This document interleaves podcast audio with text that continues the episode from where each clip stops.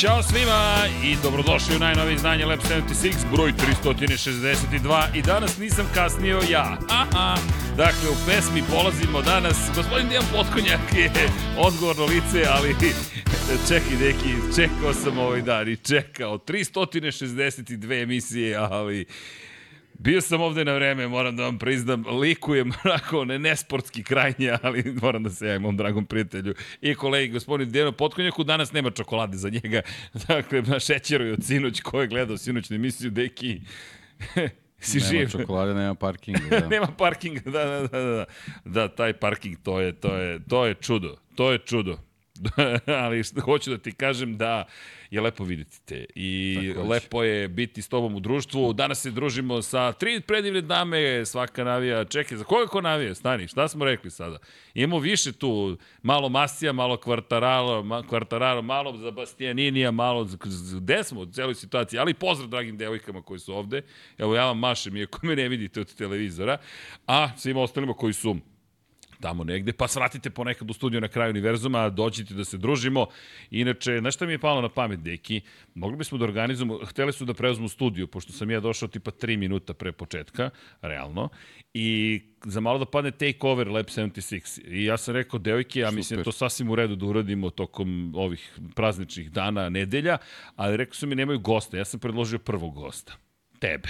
Tako da, čisto da znaš, oni se smeju, ali ne znaju šta samo ih čeka. Samo posle devet. da, samo posle, kada može se parkira.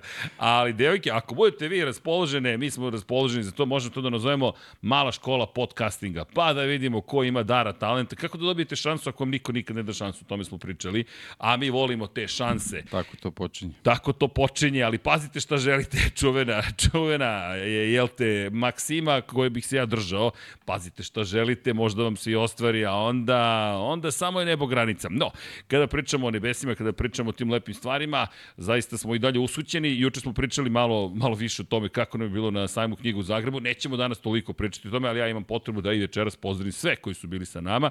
Zašto? Zato što je bilo prelepo i zato što nam je bilo zaista divno i zato što želimo da podelimo te emocije i večera sa vama. Ljudi, kogod je bio sa nama i prethodnih godina na sajmu u Beogradu, sajmu u Novom Sadu, sajmu u Beogradu, sajmu u Beogradu, pošto smo te tri puta bili u Beogradu, što na sajmu knjiga, što automobila. E, sada prvi put u Zagrebu, na Interliberu, zaista hvala. Mi smo i dalje pod utiskom snažanje, mnogo ljudi bilo sa svih mogućih strana i ljudi, hvala. Ne znam šta drugo da dodam, osim da kažem, pogledajte epizodu 361 za dodatnih detalja. Hoću da se zahvalim, kome da se zahvalim? Je li ima neko kome treba da se posebno zahvalim? Pa ne znam, mislim... Je bio neki momak tamo? Ja Nemam samo pojma. mi je, da, žao mi je da nekog ovog posebno, posebno izdvajam, ali generalno ovaj, naša ekipa je stvarno Andreja, povukla Srki, i, i uradila Deki, veliki Paja. deo pesma. Pa dobro, mi smo ono, kako, kako bih rekao, došli tamo. E, da, ukras. Ovaj, Novogodišnji. Ali stvarno, Andreja Srki, stvarno su... I Lucijan. I Lucijan, I Lucijan. Lucijan posebno, je izdominirao. Da. On Tako je da, poseban dominirao, pozdrav. trčao na utakmice, vraćao se, davao golove, gubio, pobeđivao, sve, sve je uspeo da obavi u, u tim danima, tako da stvarno ovaj, njima zahvalnost ono podjednaka kao, kao i svima koji su koji su došli pre svega da, da, da nas vide, da, da nas pozdrave, da donesu poklone, mislim, ne, Ne, ne, stvarno, Bilo je, stvarno utisci su onako, tek trebaju da se slegnu otprilike. kad Deki dva dana za redom je pod utiskom, kad jede čokoladu, kada kasni, to znači da je izmešten Nemoj sa onog uobičajenog nemoj mesta. uopšte da... Zato te boli najviše. Da, da. Ali ne, ne, sa šalom stranu, zaista kada pogledaš, bilo je mnogo, mnogo lepo i uzbudljivo i hvala vam svima na tome. Kašnjenje dovodi do toga da će se preseliti iz ovog grada, tako da možda ću biti dostupniji negde. E, Pa vidi na, na nekom četvrtom kraju univerzuma, Pa, vidi kroz... Tako, tako zvuči, tako kreće. Kroz Zoom Da. otprilike, ali polako Da. neki, stani, stani. Ne, Imamo, pa- imat ćemo parking uskoro naš.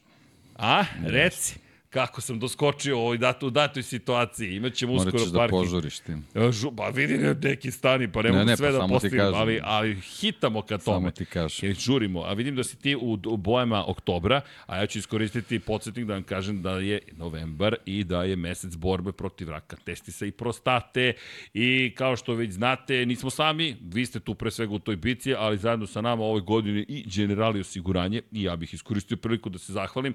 Ja puštam brkove, oni nas podržavaju, imate kod na ekranu, QR kod. Šta možete da uradite s tim QR kodom da ga skenirate očigledno. Ali pre nego što skenirate QR kod neka ostane na ekranu Vlado, morate da uradite par stvari. Dakle, prvo da se mazite i pazite, da vozite računa jedni drugima, da se volite i budete dobri. Momci, samo kontrola, ali ima i više od toga, pregled je mnogo bitna stvar. Ove godine, jel te, u akciji smo zajedno sa Generali osiguranjem i ono što želimo da vam kažemo, dakle, novembar pre par godina smo pričali, hajde, o nekim drugim, da kažemo, korporacijama. Ove godine, ne znam kako da nazovemo ovaj mesec, generally member, kako god. Dakle, to je Dekijeva šala još od pre dve, tri godine. No, ukoliko izaberete generali u polisu auto odgovornosti tokom novembra ili je obnovite, dobijete besplatan voucher za pregled, odete kod urologa i uradite test. Prosto to tako funkcioniše i mi vas pozivamo, podižemo svest o tome zato što je mnogo bitno. 3000 muškaraca godišnje u Srbiji oboli, ne znam za druge države, od raka testisa ili prostate, hiljadu njih, nažalost, premine. Ljudi, to je previše. Dakle, to su katastrofalni brojevi i mi želimo da se to promeni. Nevažno je, dakle, kako, zašto. Molim vas, povedite računa o sebi. Kada govorimo o generali, ovo pozivam generalno, podržali su nas, podržavaju ovu akciju. Ljudi, gde se osiguravamo u novembru? U generaliju. Zašto? Pa zato što je prosto to neka cool ekipa koja je rekla, kada smo i pričali o ome, e ljudi, nemojte da ovo bude neka reklama, dajte da pričamo na, na, na ono, onome što je bitno. To je zaista, dakle, kampanja glasi vrlo lako testiraj se, prosto je. Jednostavno, testiraj se, prosto je. Auto ide na testiranje, auto ide na, na kontrolu, zašto ne bi smo i mi muškarci otišli. Devojke, nadam se da ste uradili ono što smo vas pozivali u oktobru, Roze Majice tu, mesec borbe protiv raka dojke, ljudi, želimo da pričamo o tim stvarima i da iskoristimo priliku da vam kažemo, ljudi, ajmo da budemo dobri jedni prema drugima. Ako ja mogu da pustim moje brkove i trpim ih 30 dana, najmanje što možete da uradite je nama za ljubav da odete da se testirate. Mislim da to skroz u redu. Da, inače, ko skenira QR kod, koji je izabrao auto odgovornosti kod generali osiguranja, ima besplatan voucher, samo popunite formu i dobijete voucher, odete kod urologa i obavite test. Da ponovim još jednom, testiraj se, lako je, prosto je. Testiraj se, prosto je. Tako da, Juče smo spomenuli Čelanda Norisa, znaš da nismo ispričali priču o Alanu Prostu i da je testirao njegov bolid zapravo. To smo potpuno zaboravili, iako smo imali sred thumbnaila priču o Landu Norisu, imali smo i fotografije, imali smo sve spremno, ali to smo propustili da učinimo, da, da znaš, odstao nam je taj da detalj. Da šećer u glavu. Pa Vama dvojici, ne znam šta je sve... ja sam bio koncentrisan. Bili ste u fokusu. Vlada kaže da je bila zabavna epizoda, ne znam da li je to dobro ili loše, ali u svakom slučaju... I šta to znači? Nemam pojma šta to znači, veruj mi ali znači da je bilo lepo, kao i uvek, družiti se u, u društvu, što ekipe koja sedela iza kulisa, što sa vama dvojicom, nadam se da vam dvojici bilo zabavno, ako ništa drugo, makar zbog šolje, torte koju ste pojeli. A bilo je zabavno i tokom ljudi vikenda koji iza nas, Moto Grand Prix vikend, spektakularan noš, prego što krenem. Ljudi, a, ako mogu da vas zamolim za like, share, subscribe, tri ključne reči u životu modernog čoveka. Ukoliko želite da postojite na YouTube-u, algoritam kaže svoje kako smo postali ono, algoritmični, algoritmični, više nismo logaritmični, nego smo algoritmični, tako da like pomaže, join, uj, to tek pomaže, dakle, ko se pridruži postane član, da podržavate nas i finansijski, videli ste gde sve trošimo pare, tu smo transparentni, lako ih je potrošiti, pravimo neka tako zabavna, neke zabavne stvari, inače, povećali smo malo studio dole da bismo zadrali ovaj malo intimniji moment sa publikom, da ne bude baš da smo skroz odvojeni, jer mi ljudi volimo da se družimo s vama. I to je cela pojenta priče. Inače, Niš, još se nismo raspitali za sajam knjiga, ali ćemo se potruditi da se pojemo, tako da znate. Sarajevo, Podgorica, to su sve ljudi s kojima smo se već čuli. Kogod ima ideju za neki sajam, javite se. Da li ćemo sve uspeti? Verovatno ne, odmah da kažem. I da, izvinjenje svima koji u Srbiji još uvek čekaju na šampione. Mi smo sada počeli ručnu dostavu, dok sa Makartom ne potpišemo, završimo ugovore, papirologiju i sve ostalo. Šta to znači? Pa oni koji su nam tu negde u do, na dohvat automobila, mi ćemo se potruditi koliko sutra da dostavimo što više knjiga možemo, jer ne možemo da čekamo da pošta završi svoj štrajk. Žao mi je svih koji čekaju i još uvek čekaju i još uvek čekaju jer knjiga postoji, sad je već to zaista na nivou besmisla i o, da, mnogi se kažu dobro, ok, cirkus je potpun, sada i pošta štrajkuje, to, to se takođe desilo, ali mi ćemo se potruditi, dakle, Srki veliki i Srki mali, će se sutra ujutro baviti isporukama. Tako da eto, ko bude kod kuće, možda se vidimo, ko ne bude kod kuće, čeka ga knjiga ili nju. Tako da, da znate, a pozdrav za Nikolinu i Nikolu koji su otišli u Valenciju među vremenom, knjiga je kod mene. Deki, još jedan razlog da se ode u Valenciju, mislim. Pa ajde, ako je to razlog. Mora, pa, moraš da poručiš knjigu Da, prijateljima, da, nema smisla da. ljudi da čekaju, vidi, nije, nije to zbog nas, nego što moramo da ispoštujemo ljude, ipak red je nekako Red da se ode da se skokne do Valencije. Tako da, potrudit ćemo se taj utorak da provedemo tamo, ali vidit ćemo kako ćemo se da se organizujemo. Našao sam nam let direktno iz Bukurešta, da znaš. Hvala ti što si me obavestio. Evo, upravo- Samo mi daj datum nema problema. nego 6.20 ujutro, pa da znaš, deki, još jedan red eye, ali kolima do, do Bukurešta, pa šš, Valencija, šš, nazad. Šta je to sitnica? Ma Da. Do Bukure. smo, da. da, da, da, da, šalim se, šalim se, vidjet ćemo šta ćemo da radimo. Ove, ima, ima drugih letova. Verujem da mislim Temišvar, ali... Temišvar je bolji, šalim se, ne, našao sam Bukureštu direktan, ali Temišvaru mislim da je bolje da ipak idemo, ali Bukureš, što fali Bukureštu Pa da se vozimo? Pa hiljadu, to ti kažem. Na pola puta do Valencije, samo kontra smet. E, 2300 do Valencije, Pa se to izvinjavam. kažem, da. Znam, pošto smo vozili. Ej, ljudi, ali ko je nama vozio ovoga vikenda? Jedan je e, Enea, Enea Bastianini. Dekijev čovek se vratio u akciju, izabrao je najbolji mogući trenutak kada ga je niko nije očekivao na, u toj formi. Iza gospodina Dejana Potkonjaka nalazi se Besti. Nije baš zadovoljno što je toliko daleko. Vlado, može kadar na gospodina Potkonjaka, molim vas. Tamo je levo doktor Valentino Rossi, iza je Bestija. Nije moglo tamo gde je kaciga Mika Duana. Razgoropadio se Enea, mada bit će pitanje večeras za prvu, za sprint trku, a potom i za glavnu trku, no, bilo je lepo vidjeti ga. Nevezano uopšte za bitku Francesca Banjaje i Jorge Martina u okviru šampionata sveta za titulu prvaka, gde je razlika inače 14 poena, četiri trke pre kraja, i dva trkačka vikenda pre kraja i dalje licitiranje može da nastavi da traje. Ko će osvojiti titul i dalje nemam pojma. Inače, Alex Marquez slavio pobedu u sprintu, ali je izgledao savršeno u glavnoj trci. Tempo koji su, bukvalno ljudi, ne zamerite na koliko nas, nabili. Bukvalno to je bio naboj. I kako su izgledali posle trke, gde je Nea sipao vodu po svojim nogama i kaže gore mi noge, gde je Banjaja potpuno mokar, gde je Alex Marquez potpuno mokar, samo posedi čovek u park Fermeo, u zatvorenom parkištu, ne mogu da stoje na nogama, samo pokazati kakva je bila žestoka trka, tako da je bilo lepo videti Eneu u starom dobrom izdanju, njegova peta pobjeda u karijeri, prva u fabričkim bojama Ducatija, pale su i prve reči pohvale, Banja je rekao, bolje da ostane Bastianini u ekipi nego da dođe Martin, ali dobro, doći ćemo do analize i do svega ostalog, samo da podelim jednu emociju, pošto čovjek se ne bori za titulu, lepo mi je bilo, a i da se bori za titulu da nije povedao, bilo bi lepo da kažem, ej ljudi, vratio se Enea, to je lepo nekako, deki, kakav je tvoj ak utisak, samo, emotivni. Ili, Pa upravo to, mislim, stvarno je ovaj, mnogo vremena pro- prošlo od kad smo ga imali u toj nekoj formi zbog koje smo i navijali da, da on bude taj koji će doći u, u, u fabričku ekipu. Ono, čitava ova sezona tako nekako bez veze protekla zbog te povrede, bukvalno u, u, u prvih par stotina metara sezone ovaj, nismo u, u principu mogli ni, ni da pretpostavimo kakav je stepen u stvari težina te povrede, da li na, na pra- pravi način ovaj, sprovodi terapiju, pošto on je birao, birao te neke alternativne e, metode u odnosu na ono što je nekako uobičajeno, uobičajeno u tom Grand Prix svetu. Onda se desila još jedna povreda kasnije u Barceloni i ja verujem da je on u jednom trenutku počeo da, da, da se pita da li će uopšte biti u stanju da se vrati na motociklu u onakvoj formi m, kakva je bila u trenutku kad je zaslužio da se nađe u, u fabričkom timu Ducatija, tako da ovo je pre svega za njega veliko olakšanje, a naravno svi koji ono veruju da je on vozač koji može da donese dodatnu ovaj, zanimljivost ovom pre svega interesantnom šampionatu. O, su zadovoljni što, što smo dobili potvrdu da, da, da on može da, da bude onaj, onaj stari Bastianini i da već od sledeće sezone ovaj, od samog početka nadamo se bez, bez tih nekih povreda koji mogu da ga dovedu na sram puticu da, da, da od samog početka bude i, i on taj koji će da bude u borbi za titul.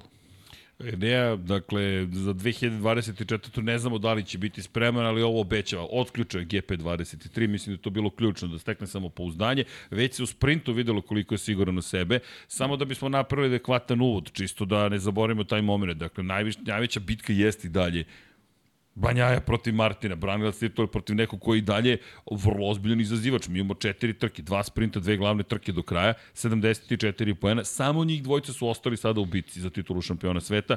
Teoretski, Marko Beceki posle ovog vikenda u kojem je bio što sedmi u sprintu, što šesti u glavnoj trci, ne može više da se domogne tituli. Dakle, čak ni ta neka matematička um, formula koja je davala mogućnost da će Beceki učestvovati u borbi više ne postoji. I sada se svodi na zaista Banjaja protiv Martina. Pri čemu ni jedan ni drugi nisu imali briljantan vikend.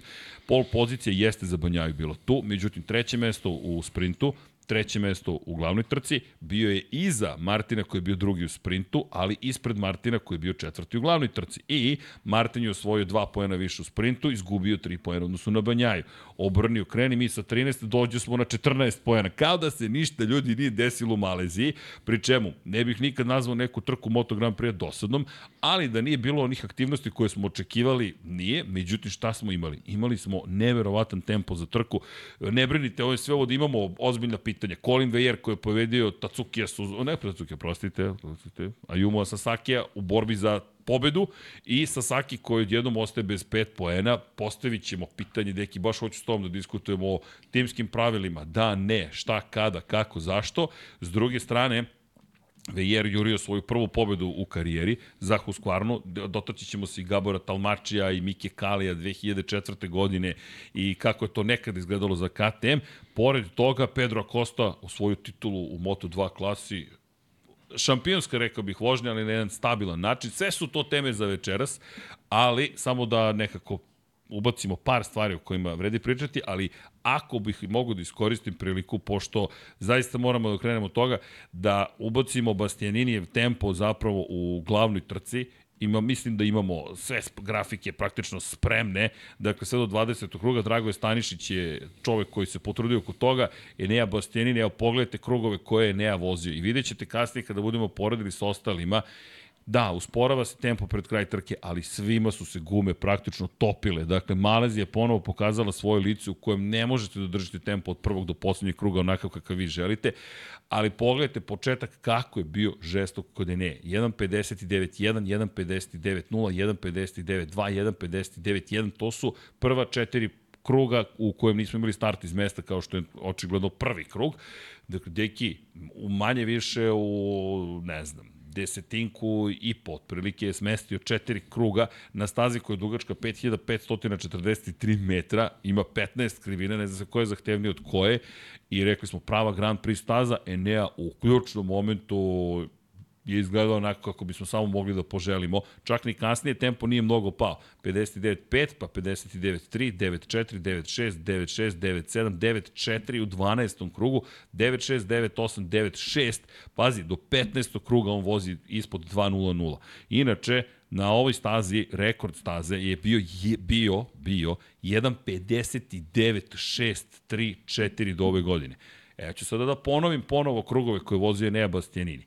59.1, 9.0, 9.2, 9.1, 9.5, 9.3, 9.6, 3.4. To je tačno koliko je iznosio rekord, rekord staze do sada u devetom krugu. Tek onda vozi dva kruga koji su za nijansu sporije do tadašnjeg rekorda, pa 59.4, pa 59.6, opet na granici rekorda, 59.8 malo sporije od rekorda do sadašnjeg i onda 59.6. Teki, 15 krugova kojima si ti na rekordu staze i pola sekunde i 60 po krugu bolji od toga. Da, staza je dobila novi asfalt od 7. do 12. krivine, ali ovo je tempo koje Aleksa Markeza, kao bi drugi naveo da kaže nisam mogao. Protiv ovog nisam mogao. Meni, ja sam bio potpuno dušen kada pogledao krugovi, kada pogledaš rekord i kažeš sebi čekaj šta, šta se desilo? Pa izgleda da je period ovaj, oporavka koristio za fizičke pripreme, tako da je za, za tu neku nijansu bio pripremljeniji od ostalih i to iskoristio na, na, ovaj, na početku trke, a očigledno da je tokom sprinta u stvari se pripremio i, i došao do saznanja šta treba da uradi da, da mu se ne desi ono što se desilo Jorge Martinu obožavam te, čitaš mi misli. Da, da. Razmišljao sam da je ovo sezona koja je trebalo da pripada ili Martinu ili Bastianiniju. Jer zapravo, ako se pogleda kroz prethodne godine, Neja Bastianini, zove me drugar naš Goran Jovanović iz Crne Gore, kaže, Srki, šta će da bude sutra u trci kada je Neja od koji obično je u drugoj polovini Grand Prix trke prethodnih godina bio bolji, kada sada zna već prvu polovinu trke. Evo šta će da se desi. I ovo je tačno pokazatelj, moje mišljenje, mali uzorak, jedna trka, da Bastianiniju će sprint i tekako pri, pri, prijati. To pa, jest da će biti njemu, savršena njemu je možda, sad iz ove perspektive, možda mu je prijalo to što nije vozio ovu sezonu zato što je mogao sa strane da posmatramo stvari kako treba da se vozi ova sezona, to jest sledeće sezone. Tako da možda je to neka prednost, mislim na njemu je samo da, da, da sačuva mesto u fabričkoj ekipi Ducatija, to je ono što mu je, što mu je sad realno jedini i glavni cilj. Pazi sad ovo, moram da iskoristim dok su sveže ove informacije u glavi. Alex Marquez, opet hvala Dragoju Stanišiću na grafikonima, 20 krugova. Vidjet ćete nešto, moje mišljenje je neverovatno u trećem krugu kada budete videli Aleksa Markeza šta je učinio. 1.59, 2 je drugi krug. 1.58, 9.79 vozi Alex. Ljudi, čovjek koji je povedio sprintu, je otišao ispod 1.59 u trci. Dakle, govorimo o trci, zatim vozi 59.3, 9.6, 9.4, 9.2. Gde je Bastianini došao do izražaja? Preciznije bio, ali Rekao je ključnu stvar Alex Makeres, morao sam da ga napadnem ranije. Bukvalno i kaže, radio sam sve što sam mogao, nije bilo šanse. I Marquez, pogledaj njegove krugove od 8. do 14. Ma, ma možemo slobodno do 15. 59-6, 9-6, 9-7, 9-7, 9-7, 9-6, 9-8, 9-8. Deki, kao da je neko uzeo i sekao. A ovaj trenisti što je 9-6, u stvari to je 9-7, znači on je pa- praktično 1, 2, 3, četiri kruga vodi, čak eto i taj deveti. U stvari od, od, od osmog, osmog do do, do 13. je gotovo identične krugove vozio i, i nisu mu pomoći. Ma možeš da dodaš da. i 15. Da, pogled, da, 9-8, da. 9-8, deki. Da, da, da. To je besmisleno koliko je dobar bio i opet nije ništa mogao Bastianini, jer kad da. sabereš, oduzmeš sve i rekao je malo ovde, malo onde, malo ovde, malo, i pita ga, a ne ga pita, kaže, na kraju to je dobro, gde si bio brži od mene, neće da kaže, a Banjaj u prvom i trećem sektoru, Trukaro. ali naravno da. sve bi analizirali. Ne, ali... nije, nije, ovaj, ne, eto, u tom nekom svom stilu, ovaj, nije, nije mnogo mnogo otkrio, znaš, sve je bilo sa osmehom, ali ključnu stvar je rekao da je očigledno najveći problem sa 23-kom za njega bilo da, da otključa tajnu kočenje.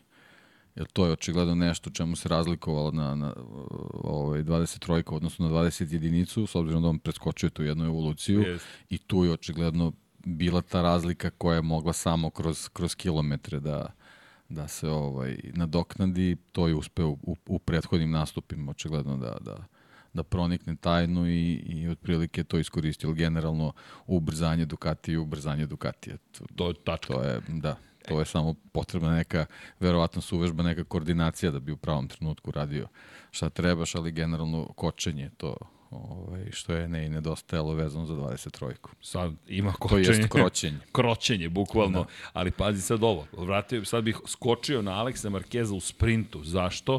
Zato što ćete vidjeti zapravo kako izgledala priprema pobednika u sprintu za ono glavno što se desilo. 1.59.6, 9.1, 9.0, 9.2, 9.3, 9.0, 9.1, 9.2, 9.8, na kraju već je bilo gotovo, praktično slavlje, moglo je slavlje da počne i videlo se ovde, Alex, ono što je pričao na Tajlandu, imao sam na Tajlandu trku, imao sam, ali izleteo sa staze, i lepo je vidjelo, bilo vidjeti ga u ovom raspoloženju i, i nasmejanog i konačno dva puta na pobjedničkom postolju i u sprintu i u glavnoj trci, ali me dovezuje zapravo na tu priču o pripremi. Eneo, Enejne rezultati sprinta, moram da uvedem ovu temu, jel te ne bih komentarisao, pošto se odjednom videlo, Enea Bastianini čuva leđa Francesco Banjaj. Enea Bastianini imao tempo za pobedu. Imao je tempo za pobedu. Definitivno, da. Ali je došao do Banjaje i rekao da. stani. I sad, pazi, pazi, mi smo se, makar prošle godine, upravo oduševljavali time što je jedan predstavnik male ekipe spreman da krene na goropad. Čak i protiv klubskih, to je da ne kažem proizvođačkih naređenja, mada smo u Maleziji prvi put videli neke momente možda povlačenja, dok se Francesco Banjaja borio protiv Fabio Quartararo. Više Quartararo prošle godine je bio na poziciji broj 3, mnogo bolje trka nego ove godine. Imamo tu i koleginicu Quartararo, dakle, rekla je, molim vas, nemojte da komentarišete Fabija, moramo da prokomentarišemo Fabija. Peta pozicija na, na kraju trke nestao je u sprintu, drugi put da nestaje u sprintu, peta pozicija to je još i dobro, ali... To je odlično, on je, on je najbolji od ostalih. Najbolji od ostalih. Ne treba se poceni taj rezultat. Ne, ne, ne, ne, ne, naprotiv, baš smo pričali o tome da samo, još, samo motocikl još nedostaje. Pa raz, razlika pokazuje u čemu je problem. Razlika pokazuje nemać, on je 15 sekundi zostajao a bio a to nema nikakve veze s njim. Vidi, na, na, on je pobedio sve ostatak Ne, ova, sveta. ova cela trka u Maleziji bila old school trka. Ovako, ovako su se nekad vozili. 2009. 10. 11. Pa i ranije, i ranije. ranije tako, 90. Tako, tako. To, je, to je ta trka. Znači dvoje, troje se odvoji ko može da prati tempo lidera i to je to. U pa, ko stigne, su tak, stigne. Takve su trke bilo. Bilo je ranije, bilo obilaženje za čitav krug, ako se sećaš. Kako, vidi, pogotovo ako se vratiš do ere Mika Duana da, i sličnih da. situacija. Na dvotaktašima je to tako bukvalno izgledalo ali morate priznati iznenadilo me. Međutim, šta je možda doprinilo celoj priči? Pa kiša koja je padala posle sprinta, dakle minut pošto se sprint završio, pošto se ceremonija završila, potop u Maleziji, potpuno očišćena staza od, od gume i ti dobijaš neku novu stazu. Tim pre je ovaj njihov rezultat tako velik, da ti tako hrabro i precizno voziš na stazi koja je očišćena, od guma koje su utrljene. Inače, inače, koji podcast je rekao da će biti suvo u sve tri trke? Koji podcast je jedini na svetu rekao neće biti kiše? Čekaj, Vlado, a? Reci, ja bih se obratio dežavnom vraču za vremenski uslove gospodinu Dejanu Potkonjaku. Dakle, ko ne zna prošlu emisiju, ja čitam, ja čitam vremena za Ostravo Filip. Vidi, bit će sunčano, pa dobro, super. Ako padne neka kišica sunčano, bit će super, bit će ovako, bit će onako. I je tamo negde trećem satu, pre čemu se spremamo za snimamo, pošto moramo da idemo u Zagreb u utorak ujutro, nema live nije uživo, nije direktno. I na kraju shvatim da sam čitao pogrešan grad, ne pogrešan grad, pogrešan kontinent, državu, što god želite. Dakle, polu loptu sam promašio i kao deki, padaće kiša svim danima. I bog svoj potkonjak lagano, laganim glasom, biće suvo. Crki, bit će lepi vremenski uzim. Mislio sam na tebe tokom celog taj dan, rekao to, deki, šta god, kako god da si to izveo, hvala. Slučajno, ali drago mi Udrite like za gospodina Potkonjaka, dakle, ne moramo ti nam... Ej, znaš koga sam upoznao na sajmu u Zagrebu?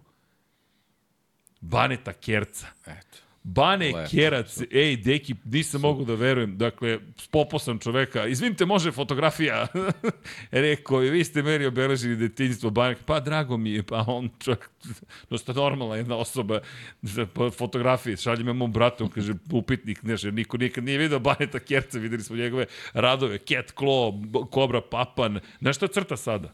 Zagora. Zagora crta čovjek, car. Dakle, Bane Kerac, evo, ja se klanjam, da meni je on čovjek obeležio. Mislim da tu negde čak imamo Cat Claw, e, nova, mislim da je izašlo izdanje Cat Claw, tako da potražite Cat Claw. Nije u našem izdanju, ali je Cat Claw, tako da je to ono što je bitno, Bane Kerac i to je ljubav prema stripu. U svakom slučaju to je bilo mno, mnogo lepo, ali kažete, razmišljao sam i dok su drugi najavljivali kišu, mi smo znali da neće padati Tako da hvala ti Dijane na tome. Hvala tebi. Inače, kiša će, kažu, padati prek sutra u Kataru. To, to sam proverio, bile su devike prisutne dok sam gledao, pogledao sam još jednom. K, A, T, A, R, čudno pišu voda. Ali, čudno pišu kiša, pišu kiša, ali pišu. Tako da kiša pada, to je padaće za dva dana, nadam se da neće padati tokom ovog vikenda. No, pogodi smo za vremenske uslove, mislim da nas je sreća pogledala, hvala ljudi. Tako da, na kraju bi suvo, ali još veći rezultat upravo to. Ali vratio bih se sad na ovaj moment. Enea koji je sam protiv svih, jel te, razgoropađena zver, David protiv Golijata, odjednom čekaj, čekaj, kad se postavilo pitanje hoće li Enea voziti sledeće godine, kada je otvoreno rečeno Martin ima šansu, kada je odjednom i Peko rekao posle ovih trka bolje da ostane, jel te, Bastianini, ali Bastianini koji se probudio, ne znam sad šta je motiv bio, da li najzad otključao Ducati da rekao, ok, šali, kra, šala kraju, mora da se vozi.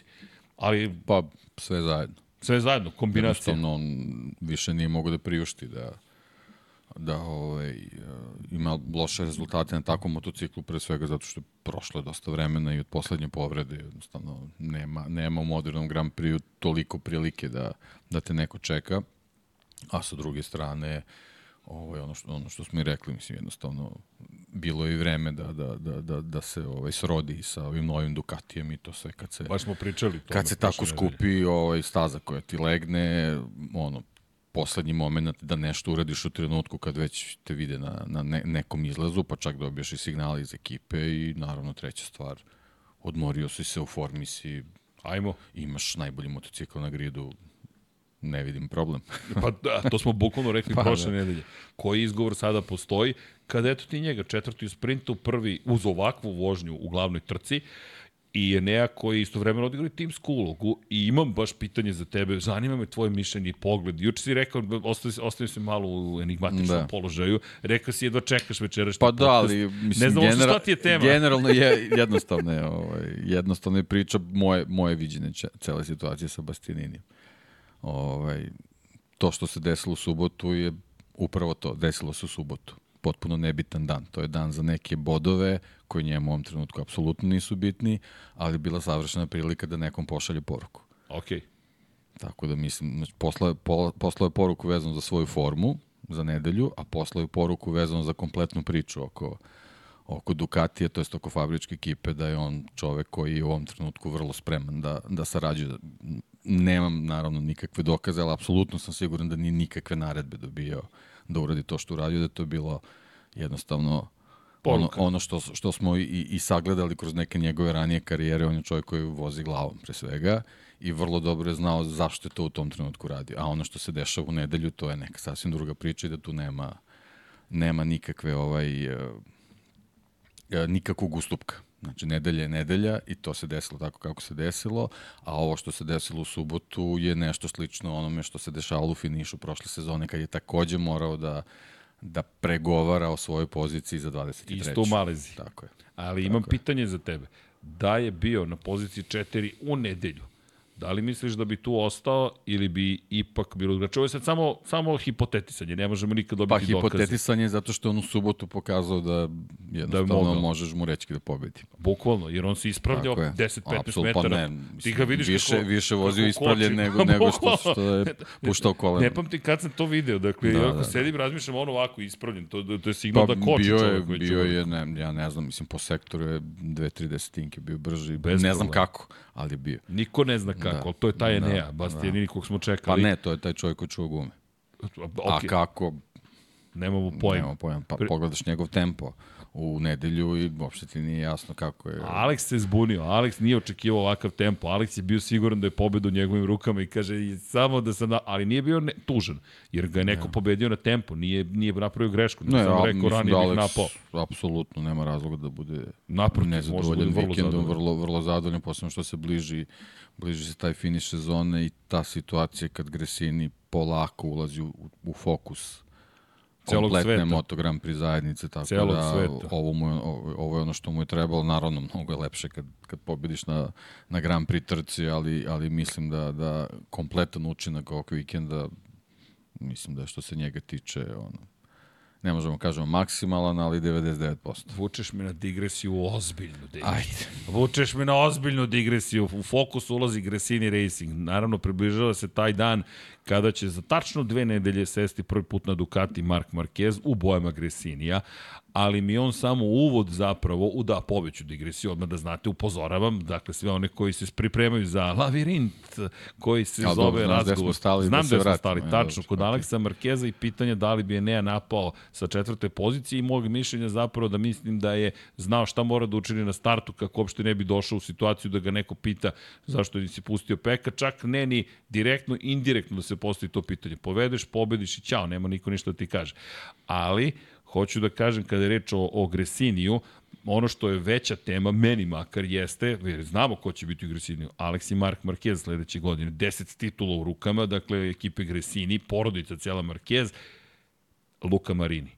Zašto? Red Bull se navodno priprema da napusti, inače pročitajte fenomenalan tekst koji je napisao David Emmet, motometers.com, i David Emmet je jedan od najćih ljudina jedan ogroman gospodin jedan od najćih, dakle, iz te perspektive koju sam upoznao u Moto Grand Prix, poslušajte njegovu staloženost i smirenost, podsjeća me mnogo, u mnogome nam tebe, iskreno, to je to jedan od drugoga, zato što nema ishitrenih zaključaka, nego pokušava da vrlo racionalno pristupi analizi.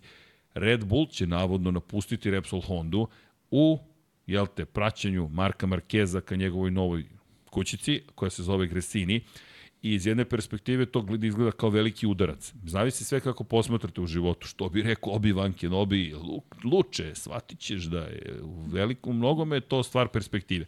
Šta je perspektiva ovde? Pokazat ću vam nešto drugo. E sećate ovoga broja. Šampionski broj iz ekipe, ne zameri sad što ovo Vlado, Vlado radim, da znam da ću sve da poremetim, ali Suzuki-a, zašto? zato što ko je bio sponsor Suzuki-a i gospodina Joana Mira, što na ličnom, što na klubskom nivou, Monster.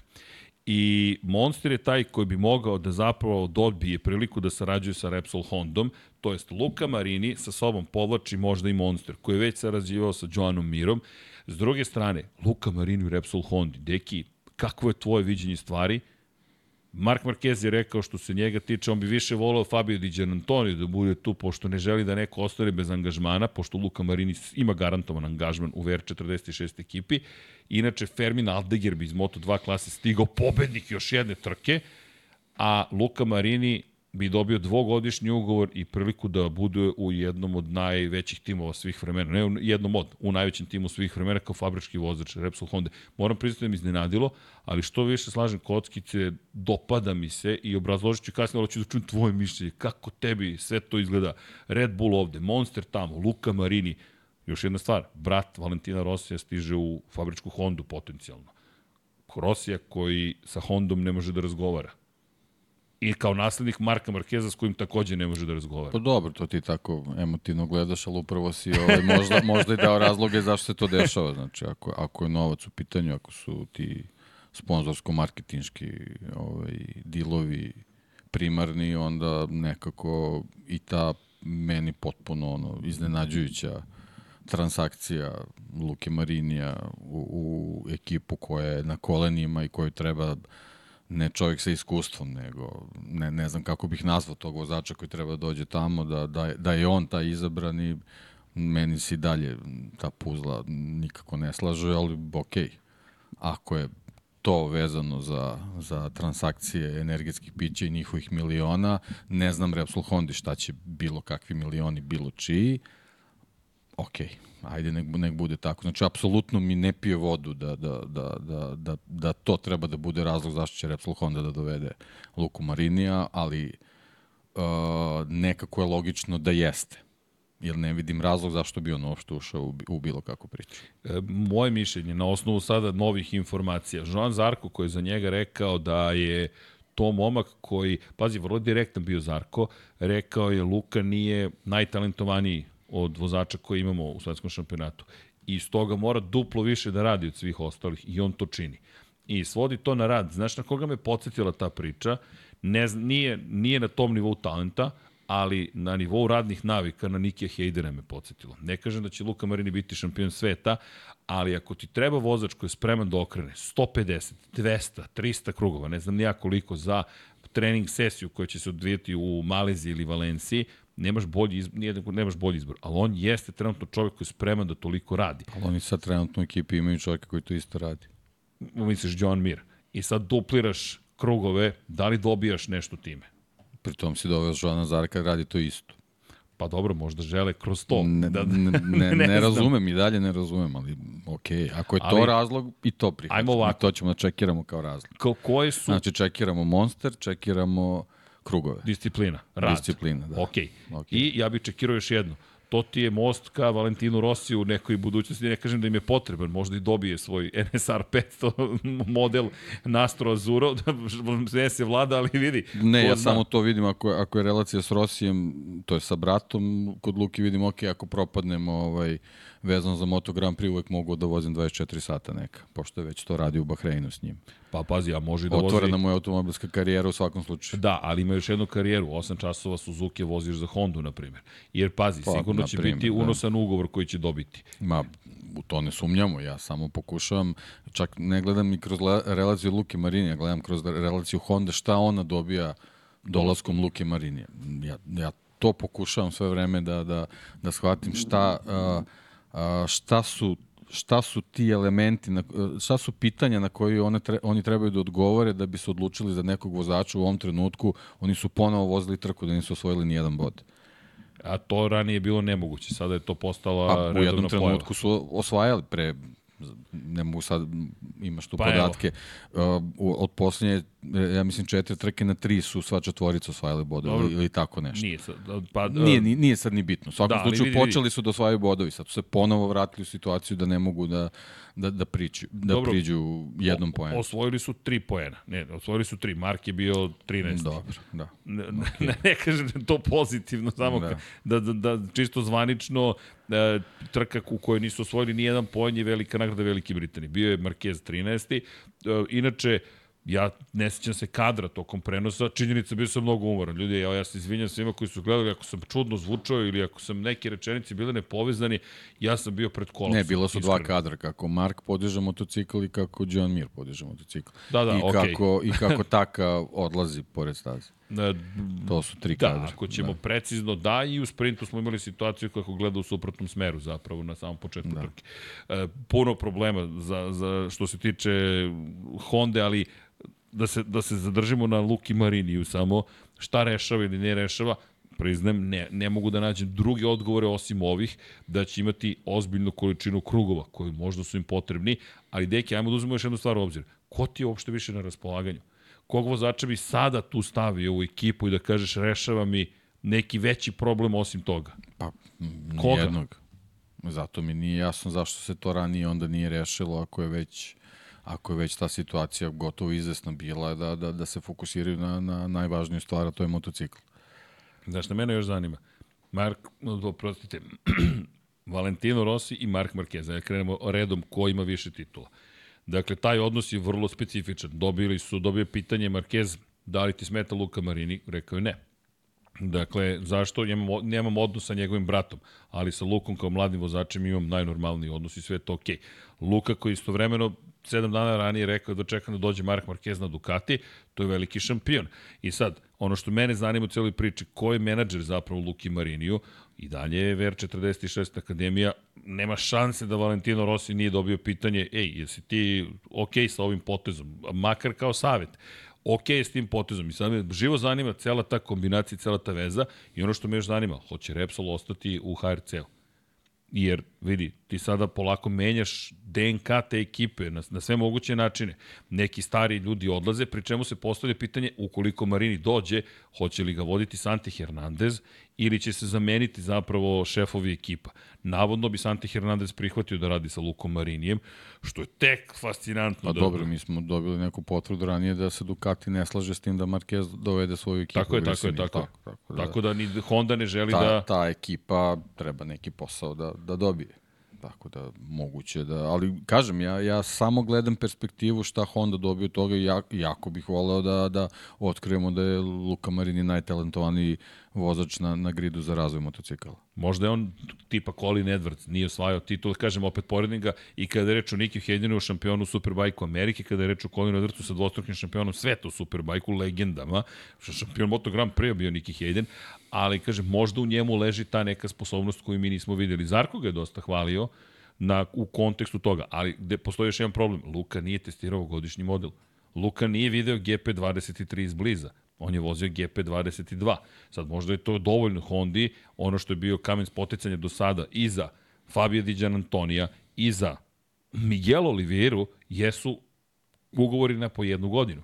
Jer su i Oliviri dali ugovor na godinu, Di Antonio su dali ugovor na godinu. Ovo je prvi čovek kome su navodno dali dvogodišnji ugovor. Sad, iskreno ništa mi nije jasno. Imaš Miguel Oliveiru, kome možeš da daš dvogodišnji ugovor, eto to mi je jedino rešenje da kažeš koje bi mi se uklopilo i u kontekstu toga da imaš pobednika u svojim redovima. Ne znam.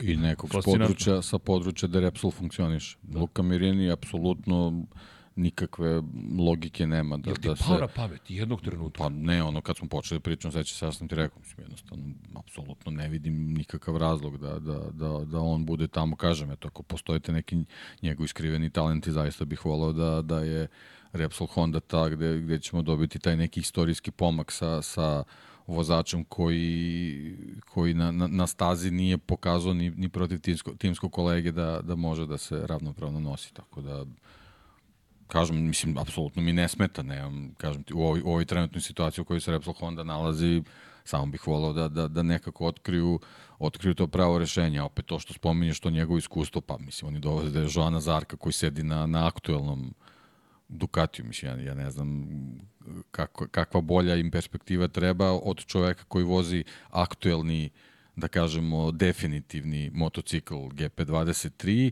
koji je tokom vremena razvijen. Znači čovjek koji je prošao sve, sve faze uh, razvijanja i koji možda može da im prenese ne, neke, neke stepene na koji način se, se radi razvijanje modernog motocikla, tako da ne vidim, ni tu ne vidim neku Lukinu posebnu. Ima još jedan problem, izvini. Nisam pročitao najnoviji tekst Germana Garcia Kazanove, to je naš kolega sa motorsporta španski, koji kaže da Red Bull ima Red Bull zašto ima mogućnost da napusti ekipu? Zato što Mark Marquez odlazi iz tima i da su imali klauzulu u ugovoru koji kaže ukoliko Mark Marquez napušta Repsol Honda, to je HRC tim, Red Bull može da se povuče. Ali i dalje ostaje na snazi klauzula koja kaže da ne smeju da imaju sponzora iz kategorije energetskih pića u 2024. godini. Što bi značilo da čak nema ni Monstera onda za 2024. Ni da, da novac je neki problem Honda. Ma kažem ja, 2025. biće kao što ranije bilo, biće Repsol Honda i to je to. Ali ne, ne vidim, ovaj, ako, ako bude Repsol Honda, biće Repsol, mislim, oni sigurno imaju još neki ugor, ne, ne prekide se ugor ove godine ali ovaj ne vidim nikako ne mogu da složim kažem ti sve sve te neke parametre iz na, nekih naših saznanja zašto bi Luka Marini bio u ovom trenutku pravi čovjek za za za Repsol Honda.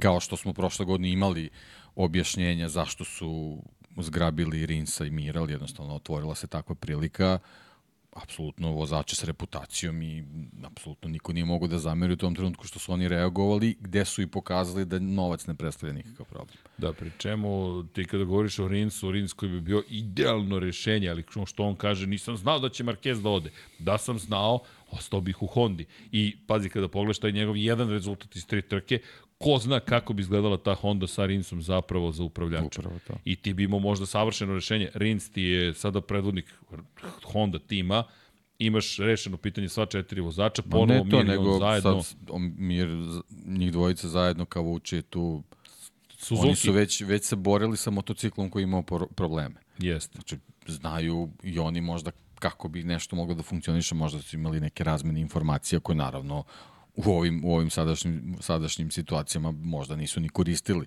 na način kako su to radili u Suzuki, ali tako da ne znam, mislim, baš je, baš je ruku. intrigantno i kažem, meni onako malo to sve ispalo na kraju krajeva bez veze zato što već smo ušli u debelu novembar, a Repsol Honda Deki, se bave nekim nedelje. stvarima koji... Ne, ne, za manje od dve nedelje. Pa taj Luka Marini treba, veče. treba u taj neki ponedeljak, ne znam koji datum ne, utorak, pada. Utorak, utorak, utorak. Ja, ja sam stalno u ponedeljak. Sve u okay. nedelju uveče je žurka, ne vredi. neki moraju da se otrezne u ponedeljak. Rekao sam da je ponedeljak.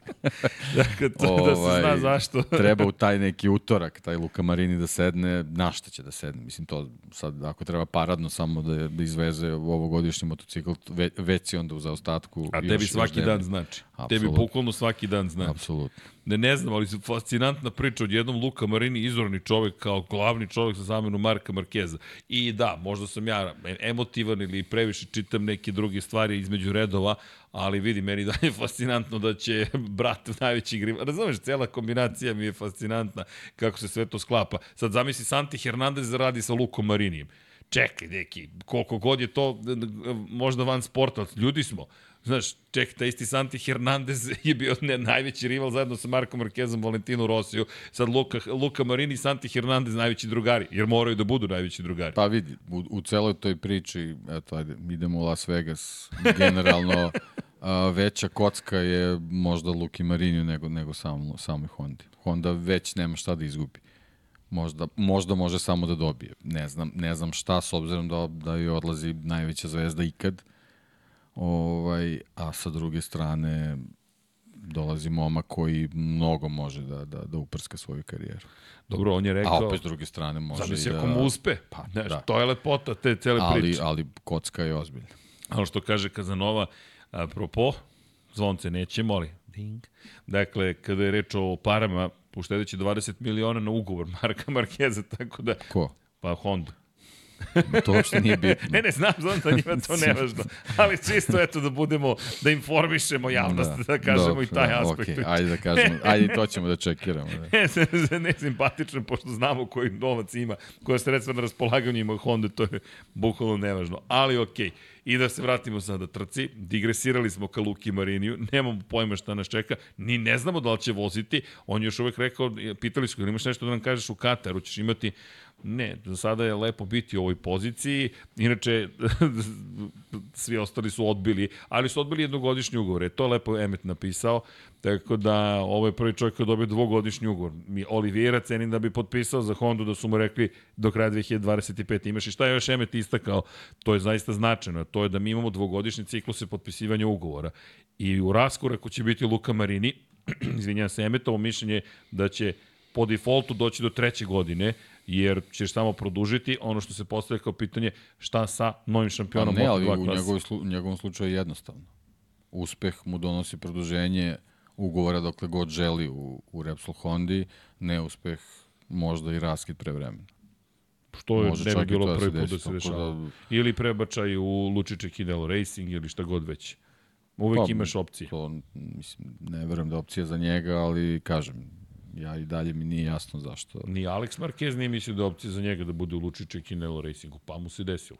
Tako da Honda ima različite kombinacije, ali, ali deki, hteo sam baš da te čujem, ja sam, da. kažem, tražio negde koji su razlozi. Ja sam. I to je jedino što sam našao, da. to da je zaista radnik i da je posvećen svom Ali postu. eto, znači možemo da čekiramo energetska pića, to nije. Nije. Dobro, bakar. Rešavamo polako misterije univerzuma. To su neke tajne nekih nekih iskusnih ljudi koji rade scouting, koji su toliko puta pogrešili u poslednjih nekoliko godina vezano za Repsol Honda, da, da, da moramo da im verujemo. Da. da. Ok. ali, ali vidi, šta nam drugo preostaje? Da samo da čekamo, ali to će, ako ode, još jedna epizoda za jedva čekam 2024. Što me vraća na stazu i vraća me na taj moment, negde, mislim da smo se složili. Enea na početku, taktika bila jasna. Povedeš i onda nema diskusije o tome da li nekom čuvaš poziciju ili ne. S druge strane, kako je tvoje viđenje stvari apropo cele priče o timskim naredbama, ne naredbama? Povezujem to sa Colinom Vejerom i Moto3 trkom. Zašto? Colin Vejer je klinac, Novajlija bukvalno, tek je stigao u šampionat sveta, bio je vice šampion Red Bullovu kupa Novajlija, inače ponovo smo slušali holandsku himnu, dakle neko je samo nekoliko ljudi napisalo na Twitteru i eto nove himne koje dugo nismo čuli, za one koji ne prate Formula 1, konstantno se sluša holandska himna, do sada 17 puta ove godine u 20 trka, zahvaljujući Maxu Verstappenu, trostrukom šampionu sveta, za sada trostrukom, ko zna gde će stići, ali Vejer je član Husqvarna Intact Grand Prix ekipe Ayumu Sasaki je član Husqvarna Intact Grand Prix ekipe. U momentu kada se oni bore za pobedu, poslednji krug je u toku, John Onđu, uprostite, Denis Onđu je već eliminisan iz šampionata sveta. Kako? Pa njegov klubski kolega Jose Antonio Rueda je napravio grešku prosto.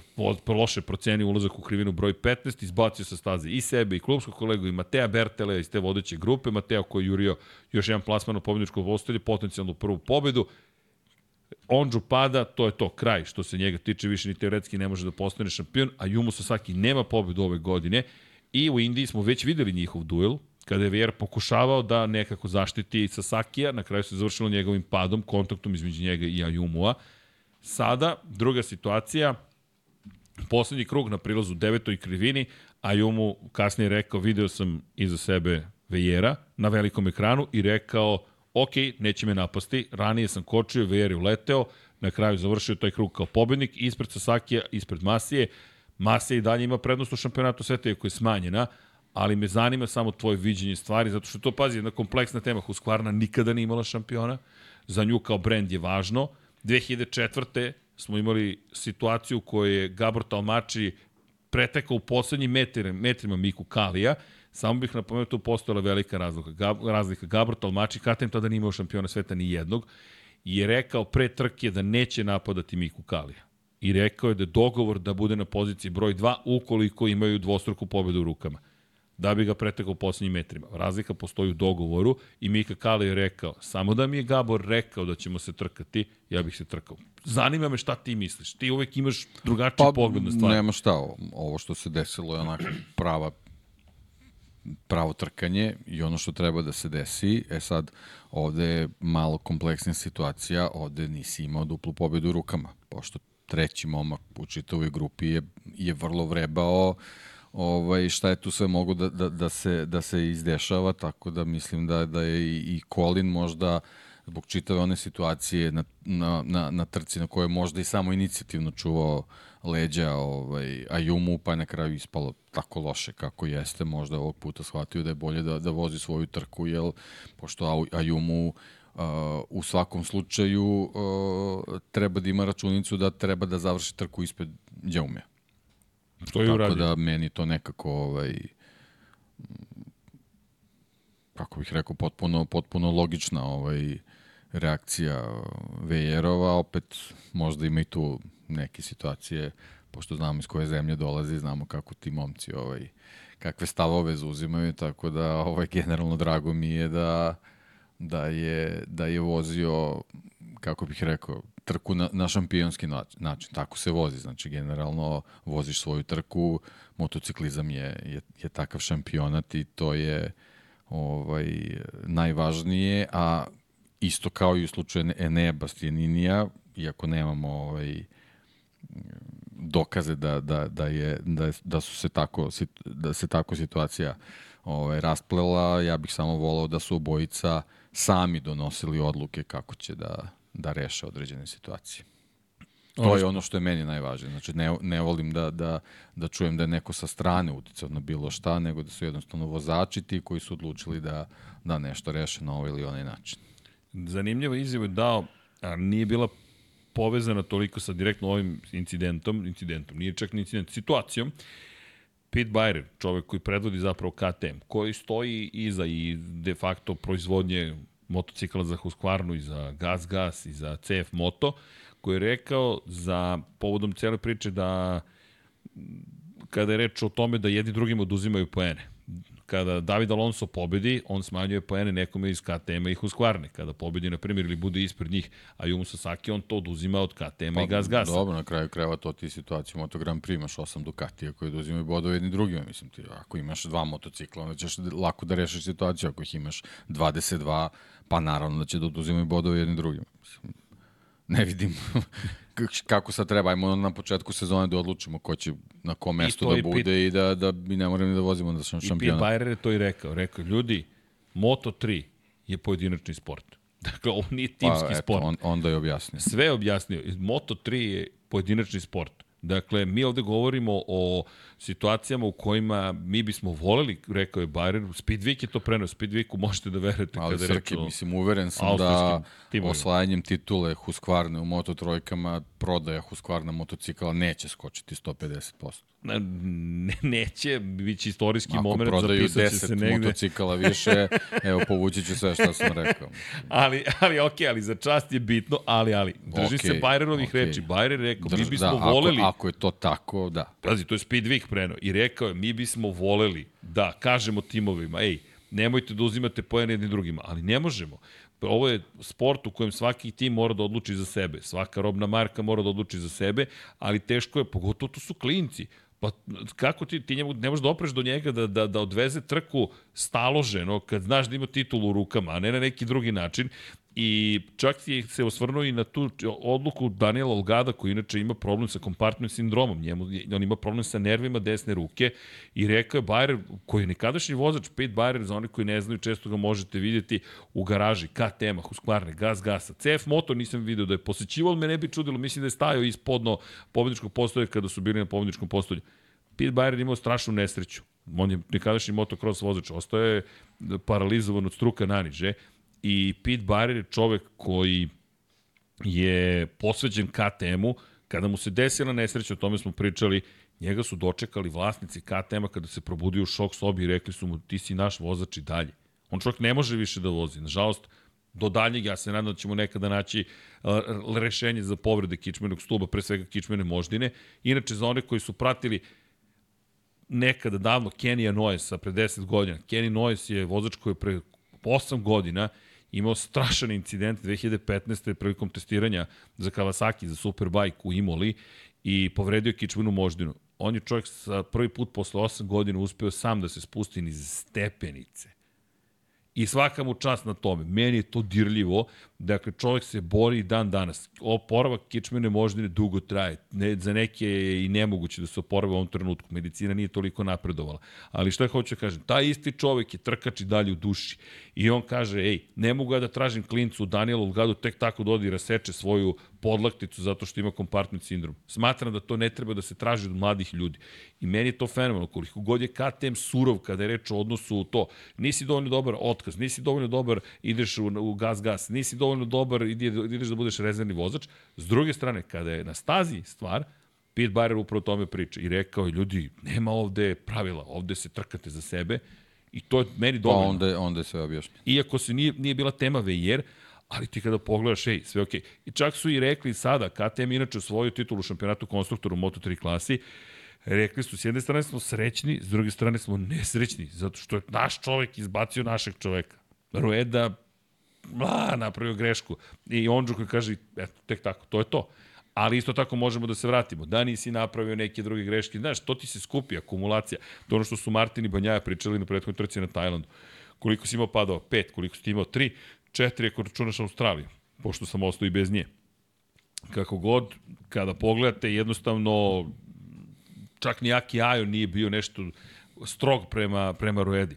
Rekao je, ovo je bio njegov najbolji trkački vikend, veliki korak je napravio Sepangu, dakle, oba vozača su se odborila u vodećoj grupi, i tako, tako hoćemo da nastavimo se takmičimo u Kataru. Šta sad da kažeš? Prosto greška koja nije čak ni pokušao da napadne Onđo. On je napravio grešku po koja ne veze sa njim, sa Berte, Bertelejom ima veze, ali prosto to ti deo trkanja u Moto3 klasi. I kada pogledaš kako stoji situacija, da pozdravimo. Doviđenja. Dakle, nismo ni stigli do nekih još tema zanimljivih u celoj priči, ali kada pogledaš celu tu situaciju, jednostavno kažeš ok, prosto to je Moto3 klasa. Nemam drugo objašnjenje, a Jumu Sasaki koji je bio šokiran, videlo se na licu, ali Ajumu mora da zna, ej, Ajumu, seti se Indije, na primjer, seti se Indije, taj kontakt, Ajumu rekao, žao mi je mog kolege Kolina Vejera, ali život ide dalje. E, Colin Vejer je sad rekao, žao mi je mog klubskog kolege, ali život ide dalje. I osvojio je izabeležio Mala digresija. Da. Stream izgleda puca malo. Stream nam puca. Uh -huh. Stream nam puca. puca Već su počeli da pišu četu, a sad i meni puklo. Da. Ne, kako puca stream. E, šta nam se to dešava, Vlado? Slobodno mi reci kada puca, da, da, da znamo da treba da rešavamo. Ma, meni trenutno... Bodemo internet da. nekako. Ne, mislim da je do interneta ako puca stream.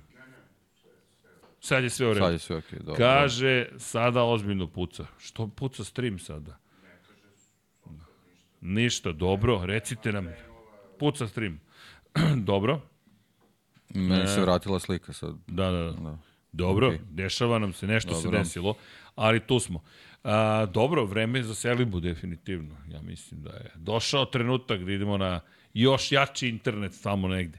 Um, Elem, kada je reč o, eto, o Ayumu Sasakiju, rekao je, nisam očekivao zaista ovo, ali, kažem, vraćam se na Indiju, vraćam se na ovo, to je sada trkanje i Ayumu ima dovoljno vremena kada pogledaš, malo smo skočili na tu temu zato pa što pa ne, Ayumu ima vremena, ali Ayumu jednostavno mora da pobedi, ali ne može da pobeđuje tako što će neko da mu za šampionsku titulu poklanja pobede.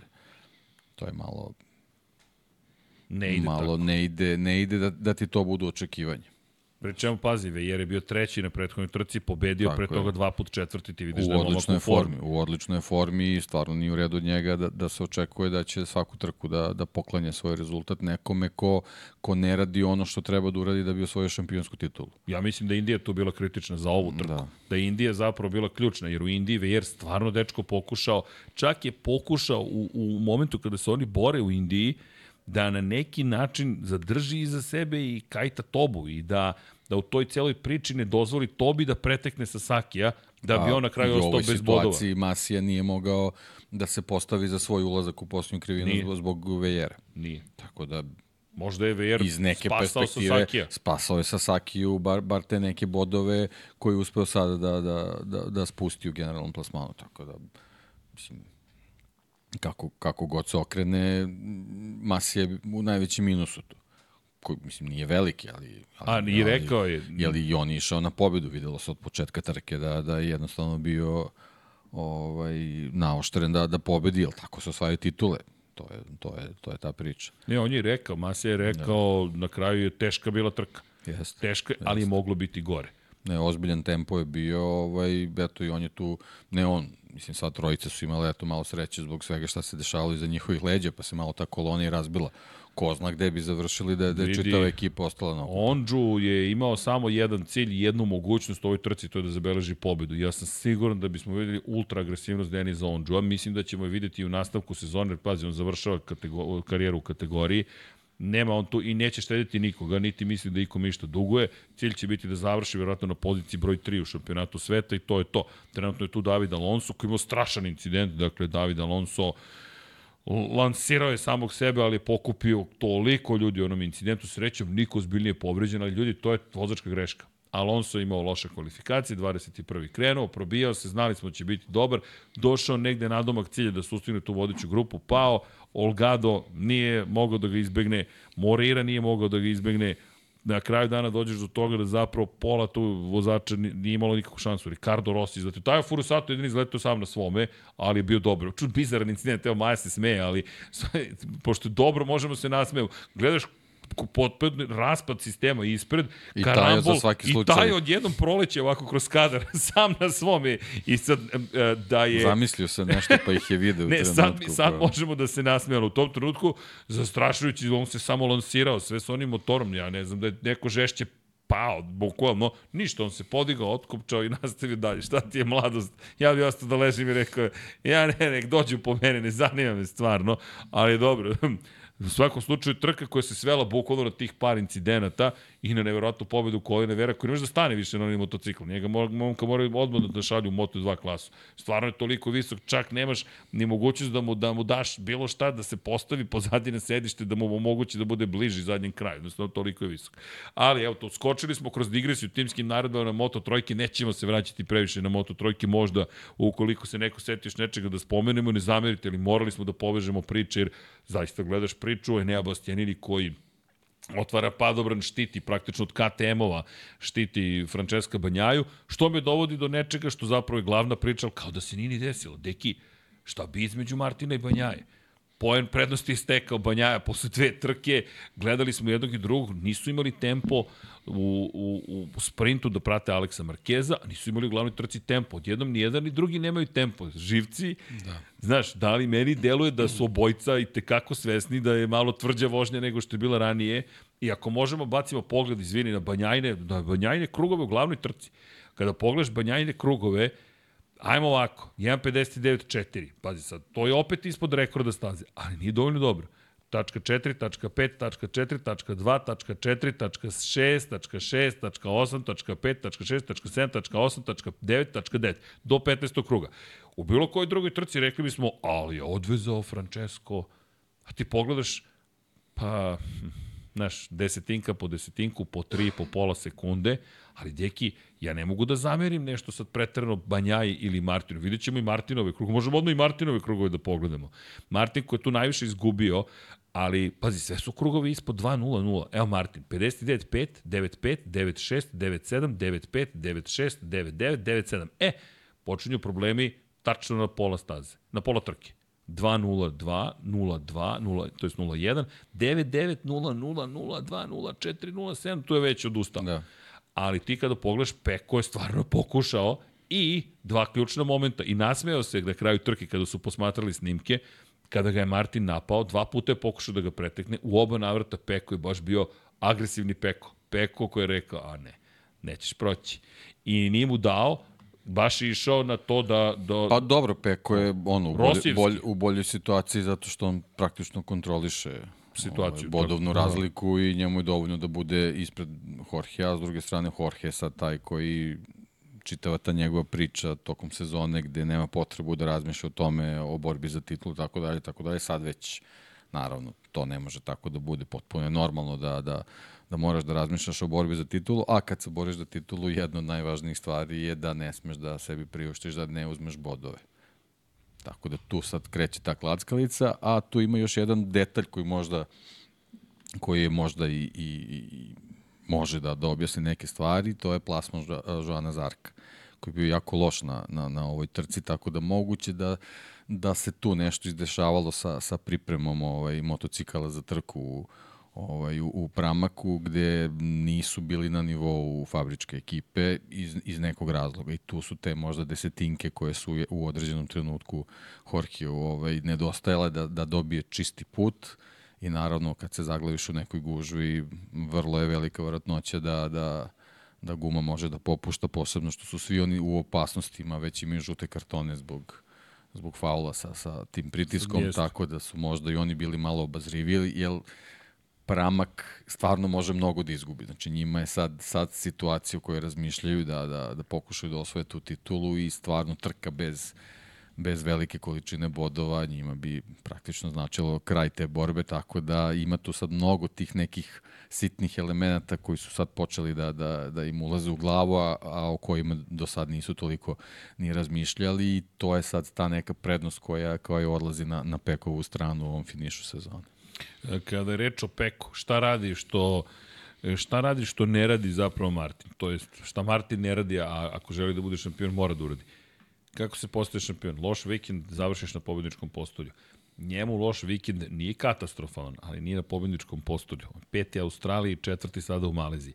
Peko ne propušta priliku da se popne na pobedničko postolje.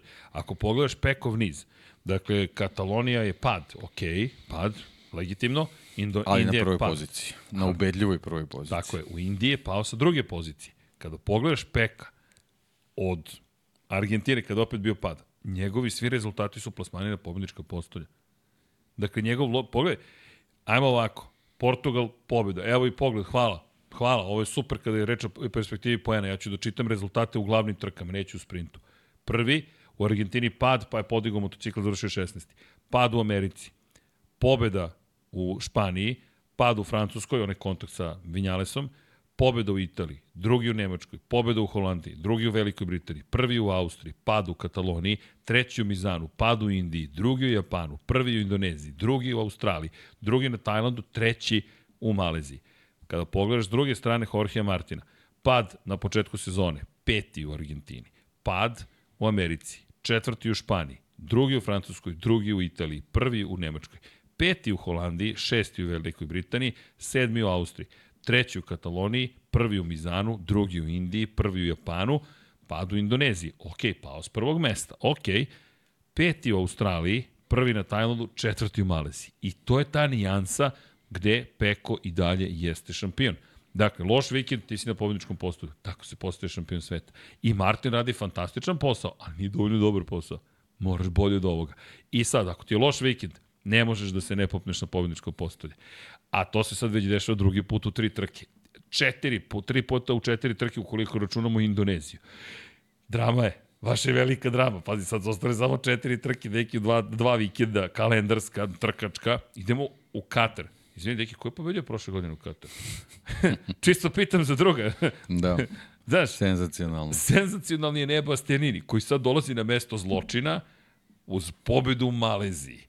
I šta sad očekujemo da ne Bastianini kada stigne u Katar? Šta reći će? Pa ne, znate, sad posle Pa ovoga... ne, ako je ovo, ova trka označu njegov povratak, on je sad tu. I to je, to, to je kako bih rekao, potpuno sada normalno očekivanje od njega da, da, da, da, da ga vratimo u, u, među, među kandidate za, za pobede na svakoj trci. Tako je. On vozi fabrički Ducati. Pa vozi fabrički Ducati i ide tamo gde je imao fenomenalne rezultate. Znaš, prosto mi sad govorimo e, govorimo o tome da je čovek u, u, formi u momentu kada se reša pitanje šampiona sveta i moje mišljenje da ne bi morao da upada u situacije da li da pomaže Peku ili ne. Da, to, e, to te nisam pitao. A kakav ti pogled iz te perspektive? Pazi, sad Martin nije baš da ima podršku. E, Australiju hoću da spomenem, Zarko nije štedeo Martin. Jednostavno je da ga nije štedeo. E, neki kažu, pa da, ali Martin je već bio gotov. Imam dozu rezerve. Da je Zarko odlučio da čuva Martina, mogao je da ga poštedi gubitka plasmana da Zarko postanje. odlučio. Da je Zarko odlučio, tako je. tako je. Zarko to nije odlučio. Pa da li, ali tu su sad situacije.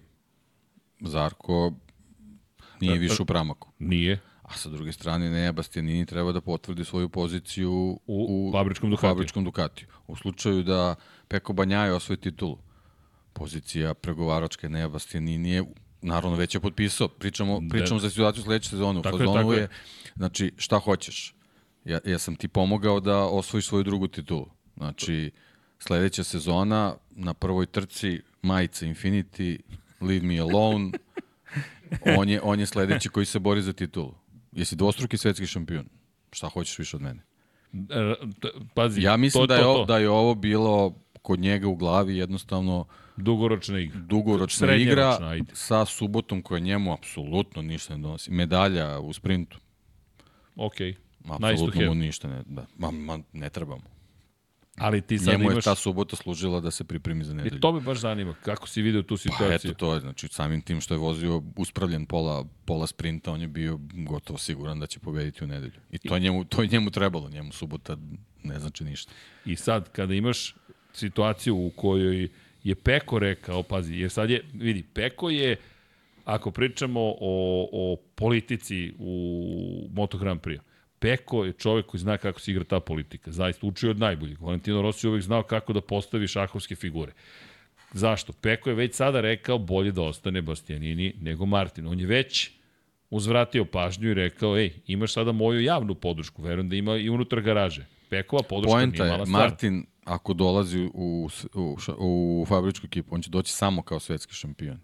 Apsolutno, bez broja 1 to je već dolazi. veliki, zna Peko zašto to govori. Ne, ali mi je fascinantno, znaš, kako se postavljaju ali kockice. Ali pogledaj kako je lepo kad imaš dva crvena Dukatije na, Jeste. na pobjedničkom postolju. I to je priča. Ko je sponsor uh, Dukatija? Lenovo. Lenova ne zanima da li će Jorge Martin da bude svetski šampion i da li će bilo ko u drugim bojama Dukatija da se penja na pobjedničkom postolju.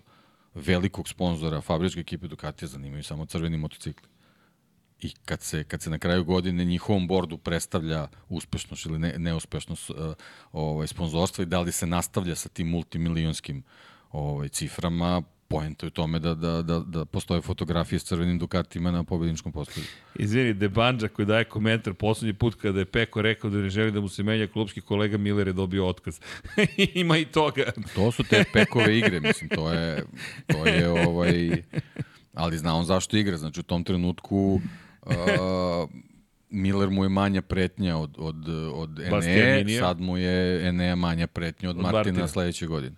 I, ali ja sam rekao, svaka čast Peku kako je organizovao sve oko sebe, da se on znači, njemu najviše vodi računa. Znači, ostanak Ene znači će da je Peko Banjaja dvostruki svetski šampion. Da, inače, što kaže Aleksa Stančić, kaže, nije da Bešnjenini ne hoće da pobedi Banjaja, nego neće da pobedi Martin jer to za njega znači tako gubitak crvenog tako motocikla. Je, tako je. I onda se seliš u tako da on, pramak. on je odigrao svoju igru u Maleziji, nebitnu trku je prepustio, na bitnoj trci je poslao sve poruke koje treba da pošalje. I po, vrlo ih je jasno poslao. A dolazimo u Katar na njegovu stazu. Još ide Valencija kao kraj sezone, čisto da se sve za laufa. Inače, Alex Marquez koji je rekao, Banjaj, hajde da se borite za titulu do Valencije. Kaže, znam da tebi ne prija, ali nama bi bilo zabavno. I nama bi bilo zabavno. Peko, Martine, potrudite se to malo poeni da budu, ovo je sasvim u redu, tako, desetak poena razlike u dve trke, jedan sprint, jedna velika nagrada, pa nek najbolji pa, pobedi. Ako, ono, nadam se, ostaju na točkovima, mislim da, da, da će biti nemoguće da ne, ne dobijemo Valenciju. Ako, A to će ako, da, inače, ako za, obojica završ, za, završe obe trke u, da. u Kataru. I odmah da kažem, ljudi, ulaznice su rasprodate. Dakle, ako želite u Valenciju, nemate ulaznice, morat ćete da se kockate. To jest da odete tamo i da se nadate da će se naći neka dobra duša ili neki vrlo skupoceni tapkaroš koji će vam prodati karte. E, dobio sam dosta pitanja da li mogu da pomognem oko ulaznica. Ljudi, nažalost, ne mogu iz dva razloga. Jedan je pre mesec i više su me neki ljudi zamolili da ih uputim kada reč o ulaznicama, uputio sam ih kako da dođu do ulaznica, taj put više ne postoji, tako da ne mogu da pomognem iz te perspektive, mogu samo da vam kažem srećan put ukoliko idete i nadam se da ćete naći ulaznice ukoliko ih trenutno nemate. Zaista. E, to je to. Mogu da pomognem koleginici koja piše, jel da sad ne reklamiram nikoga, ali njoj mogu da pomognem kako da se kredituje i da ode lepo u Valenciju kao novinar. To znamo, ali ko nije novinar, novinarka, dakle, ljudi, snalazite se kako god znate, imate 110.000 ljudi će biti na dan trke u Valenciji, da će vam biti hladno ili ne, mislim da neće ni biti bitno, ukoliko se odlučuje titula šampiona sveta Moto Grand Prix kategorije, to je sve što je važno. To je jedino što je važno, a mi znamo gde ćemo biti, inače pa ja smo se dogovorili, pošto se poklapaju trke Formula 1 i Moto Grand Prix-a, ja na pola puta napuštam Formulu 1, idem da radim Moto Grand Prix, to je to. A Abu Dhabi, Max i ostali rekordi i sve ostalo što se zbiva, pa će to da isprati zajedno sa vama, tako da znate. A, kada je Evo, Muđelo Rabijata, verujem da navija za, za Marka Markeza i Aleksa Markeza. Aleks je već bio brži. Dakle, zna, ima, ima vrlo zanimljivo taj moment, postoji. GP22 zaista je bio brži. Sad vidjet ćemo šta će Mark da uradi, ali ajde da sačekamo sa tim intrigama, da sačekamo Valenciju. No, kada je reč o Kataru, deki, prošle godine zaista taj veliki uspeh Bastianinija s tim što bih dodao u tom momentu Peko nije još otkrio kako da upravlja GP-om 22 to je onaj početak sezone kada su više testirali na stazi nego što su se borili da, za titul. Da, nije ista situacija sa, sa istom stazom. Tako je. Druga je priča potpuno. I imamo Aleksa Markeza koji je ušao u formu, imamo s druge strane Marka Beceke koji iznenadio, očekivao sam, moram ti priznati, bolji tempo Markov nekako u Malezi, ipak se nije desilo. Ajde da vidimo u Kataru.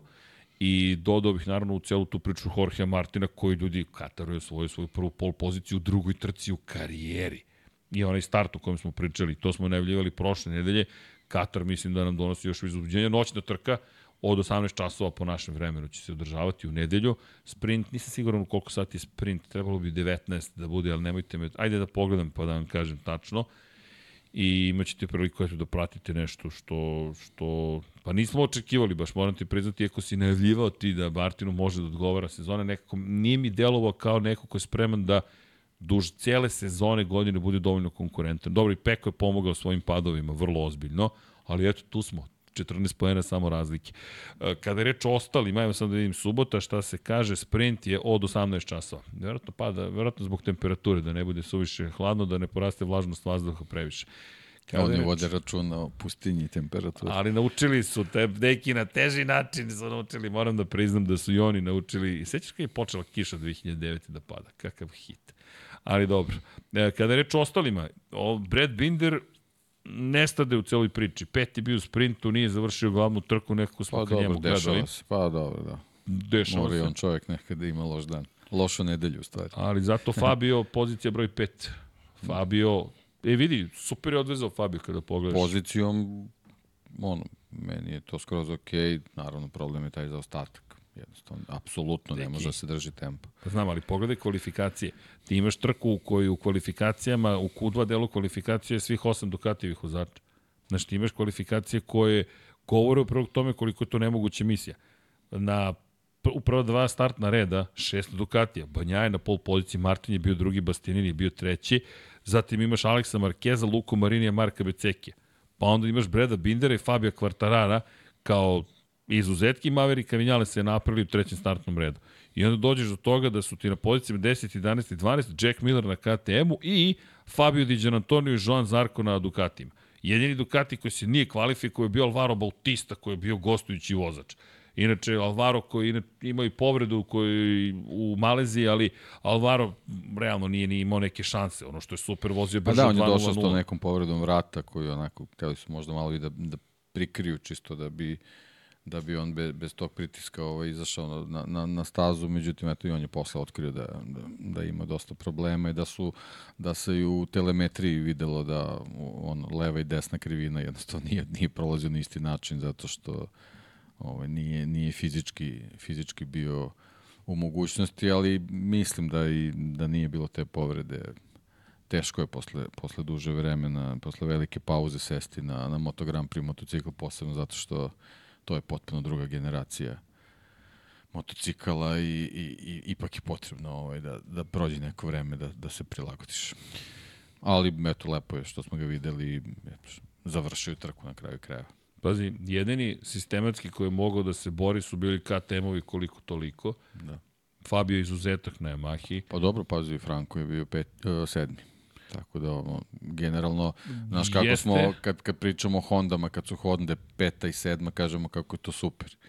A, sa Yamahom smo baš onako ovaj, oštri. Kriti, oštri i kritični, ovaj, tako da ovaj, u trci, u trci gde nije, gde nije bilo, da, da, da, da, da, ja sam sad me prebacio na trke, Upravo si pobedio ovaj, Ducati. U trci gde nije Upravo bilo si. mnogo odustajanja, Nisam fair. To je sasvim okej. Okay. Prema Franku nisam fair. Tako dakle, je. ipak je bio ispred Dukatijevaca. Bili su ispred Millera I, i Marinija, i Diđan Antonija. Znači, I ispred KTM-ova su bili i ispred polovine Ducatija, tako da to uopšte nije, nije loš plasman. Znači, iz njihove perspektive glavni je problem što nikako da, da, da ti zaostaci budu manji ispod dvo, dvocifrenog, dvocifrenog broja sekunde. To je, to je ono što je njima predstavlja najveći problem. Vidi, Quartararo pobedio Becekija. Ali, znaš kako, u tom, tom nekom svetlu tih, tih novih ovaj, pravila oko tih pritisaka pneumatika, ja se stalno vezano za, za Fabio Quartarara setim ono, ono, ono, onog onog fijaska vezanog za, za, za ovaj, um, trku u stadi mi mozak u Španiji. Ah, četvrta staza u Španiji. E, Aragon? U Aragonu, gde, gde je ono bukvalno bio katastrofa, nije mogao da se snađe tokom čitavog trkačkog vikenda. Mislim da su to bilo ne dve vezane trke, ono kad je, kad je bio ovaj, kad je bila pandemija i nekako mi od toga stalno pa kad je pao. stalno kad se priča o pritisku pneumatika meni, meni su stalno ovaj, Yamaha i Fabio Quartararo u glavi tako da možda se oni dalje ne snalaze s tim da je to u stvari možda najveći problem tog motocikla, možda čak oni nije, nije tako loš. Srećem po njega Aragon da. se vraća u kalendar da. sledeće godine.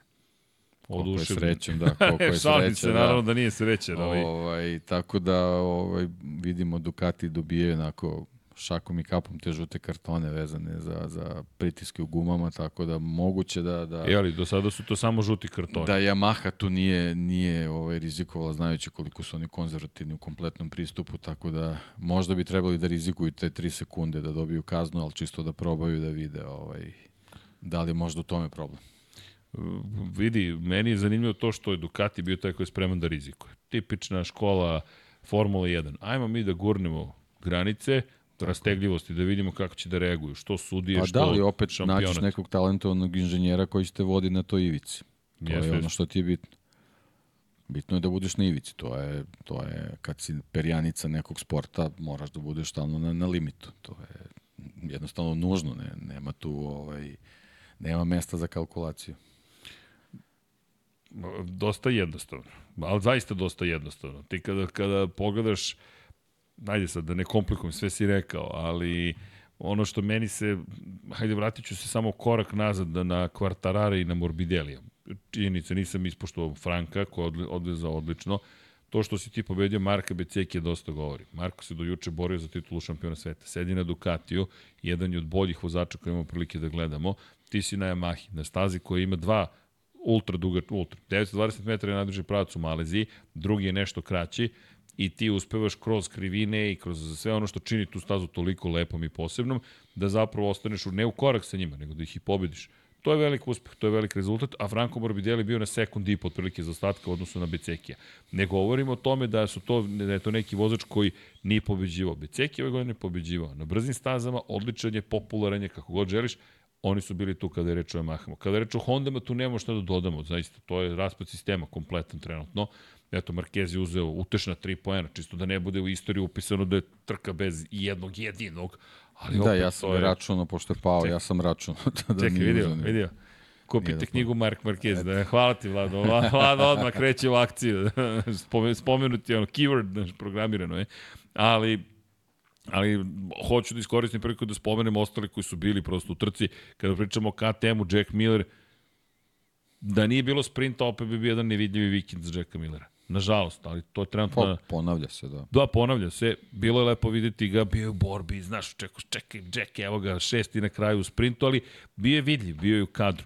I to ono što mi se dopalo. S druge strane, Gas Gasovci, mislim da, da, da vidimo sve veći zaostatak zapravo novog, jel te, motocikla sa ramom od ugljeničnih vlakana u odnosu na ja mislim nešto što polako postoje deo istorije. I još više me zabrinjava ta ideja da će Gas Gas možda ostati na ovim čeličnim ramovima, pogotovo za Pedra Kostu, koji je tu svoju čovjek titulu, znaš, ukoliko Fermin Aldeger dođe zajedno s njime u šampionat sveta, odjednom bi Fermin mogao da bude čovjek koji je, mno, ne, ne mogao, nego će biti u mnogo boljoj poziciji, čak bi mogao da ima bolje rezultate od Pedra Koste naredne sezone. Jer Fermin, ukoliko zaista zameni Luku Marini V46 ekipi, tek je on će imati GP23 u svojim rukama. Još u ovakvoj formi, još si u... Pazi, pazi sad ovo, ajmo motivacija. Ti si u ekipi Valentina Rosija Kao, kako ti bilo za, za, za praznike? Pa bio sam na ranču, kod koga? Kod novog šefa. Šta, nećeš biti motivisan? Pa, Ljudi, pričamo o, o akademiji koja ti je direktan put do legende automotosporta a ti si klinac, tinejdžer koji je tek počeo da pobeđuje. A tvoj veliki rival Pedro Acosta je u timu kojem su rekli e, možda i ne dobijete ovo najnovije, ali se vidi Da, dobio se šansu koju su propustili Dixon i Arbolino. da, da, da. Znači, da, bukvalno si bukvalno. preleteo si sa, sa tim, ovaj, sa tom situacijom što si spomenuo Kostu, ti si trojicu rivala preleteo praktično. Da, ti si bukvalno preskočio. Da. E, zanimljiv rasplet situacije, bukvalno vrlo zanimljiv rasplet situacije. Mislim da nas mlade dame ostavljaju. Devojke, uživajte. Da li to znači da smo blizu ponoći? Pa nismo, ne, nije, nije toliko strašno, tek je deset. Devojke, uživajte. Ćao. Ćao. Prijetno. Ćao. Da, deki, zanimljivo. Meni, mislim da će biti vrlo zanimljivo sledeće godine. Inače, Augusto Fernandez se vratio među svače poena. Nije mala stvar, eto, dva poena osvojio posle tri trke u kojima nije imao ni jedan jedini poen, pa se eto nešto desilo pozitivno u celoj toj priči. Znaš koga nismo spomenuli uopšte? Aprili. Deki, videli smo nešto što su testirali u Indoneziji, ja mislim, crevo bukvalno koje ovako ima otvor na vetrobranskom staklu i hladnjak kao da si u bubi Volkswagen, otprilike vazdušno hlađenje za vozače. Da, ali, ali ne vredi To smo pričali prošli je... put sa, sa lepim vremenom, to je sa toplim vremenom. Koje smo očigledno imali. da, da, da nije problem u motociklu, nego jednostavno vozači ne, ne mogu to da, da iznesu. I to se, ja mislim, opet videlo. Tako. I to vrlo jasno. Jedino Posebno što, što, što, što ovaj, Aleš sa onim svojim onom serijom padova O, baš je bilo loše. Baš je, to je ono, kad ti još i samopouzdanje, onako, ode u minus, onda ne, ne znam šta možeš uopšte da očekuješ, tako bilo, bilo kakav rezultat i uspeh bilo kakav dolazak do cilja. Kada pričamo o aprili, negde smo se već polako povukli od ideje da bi nešto mogli da vidimo bolje u završnici sezone. Ovo je taj neki kraj godine kada očigledno još ima puno prostora za napredak. Pa nema šta, mislim, tri, tri nisu završile trku, samo je, samo je Maverick, čini mi se, završio, tako da samo ono, hladnije vreme i, i, i da probamo eto, da, da, da završimo tu sezonu, bar onako da, da, da budu tu i da zasuču rukavi, da, da reše taj očigledno ključan problem konstrukcijski. Vidi, ovo je baš veliki problem. Ono što iznenađuje, oni su testirali u Maleziji početkom ove godine i baš su bili vredni po pitanju pritiska u gumama. Nijednog momenta se nije pričalo o tome da je to toliki problem. Sad, da li su izmene tokom godine dovele do ovoga, ne znam, ali zaista smo ušli u situaciju koja je neodrživa kad imaš ovakav kalendar. Mi ćemo i sledeće godine ići u Indiju, mi ćemo i sledeće godine ići u Indoneziju. Dobro, moraju da reše to. Da. Znaš, ići ćemo na Tajland, ići ćemo u Maleziju. Sprema se verovatno novi motocikl koji će nešto drugačije donese nego ti, ti ćeš imati dvojicu vozača koji trebaju na ovaj motocikl ponovo da sedu. A da li ti je ka, upravo to između ostalog? Ali pazi sad, e, šta, ono što je zanimljivo, prošlogodišnji model takođe pati od toga. Znaš, šta se to desilo ove godine da, da, da, da toliko izbio? Pa nesimptomatično je da je finiš sezone i prošle godine bio katastrofalan. Tako da, da tu, tu, tu neki problem postoji ovaj, koji ono, mislim, mogu sigurno da reše. Videli smo, oni su veliki tim ovaj, njihov budžet isto nije, nije upitan, nije, ne postoji neki problem, tako da samo je stvar da, da, da shvate ovaj, gde je problem i da nastave na ovaj način da rade kako radi. Mislim, oni su ljudi koji uh, su doneli dosta inovacija u tu čitavu priču, tako da, da verujem, verujem da mogu da, da, da izrodi nešto po tom pitanju, što će možda doneti neku i revoluciju u generalnom Moto Grand Prix, ko zna. Pazi, oglasio se i Raul Fernandez, koji do sada nije imao baš tako glasne reči za Apriliju na neki negativan način, ali je rekao da ih je izneverila Aprilija. Jer ovo je bio veoma važan vikend za RNF ekipu, malezijski tim, sponzori su tu, cela porodica tu, svi su tu, velika priča, čak i bilo dosta priča o tome, Oliveira, Fernandez, kako on se dopada Malezije, tu ste promotivni period itd. Dođeš do toga da ne završiš, da ni jedan ni drugi ne završe trku. I rekao je da je rekao da je ponovo imao situaciju da, koja ne objašnjiva, da, da, da njemu gori kosa manje više, da ima spaljenu kožu, da je ono situaciju koju čudno je da, da pričamo uopšte o tome. Pa dobro, da, ali nastavljamo. vidim, stvarno ono, ne, ne vidim kako je preko noći to moglo da se reši, znači on njima je samo da, da da eto da ne slušaju nas nego da prate tu drugu prognozu koja će reći da će bude hladno i da i da se nadaju da će tako zaista da bude i da, da, da taj motocikl ponovo profunkcioniše u smislu rezultata da, da vozač može da, da, da iznese to. Oni jednostavno ne, ne mogu da voze na maksimumu.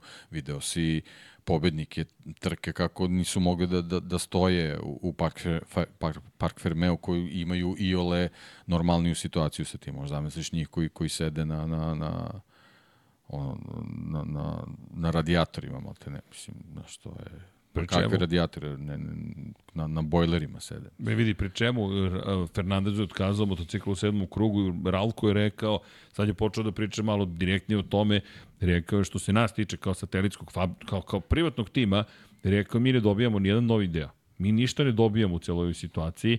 Mi smo u situaciji da zapravo dobijamo nove gume od prilike i to je to.